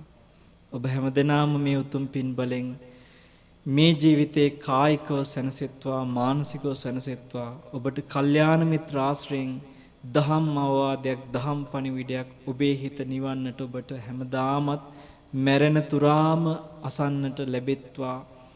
සිහි කල්පනාව කිසිම ආකාරයකින් විකෘති නොවි අසිහියක් ඇති නොවි අවසන් හුස්ම පොද දක්වාම හොඳට සිහිනුවන ඔබ හැම දෙනාටම පවතින්නට මේ පිනත් හේතු ආසනා වෙත්වා සියලු දෙනාම චතුරාර්ය සත්‍ය අවබෝධය ඉක්මන් කර ගනිත්වා කියලා මෙත් සිතින් ආශිර්වාද කරනවා.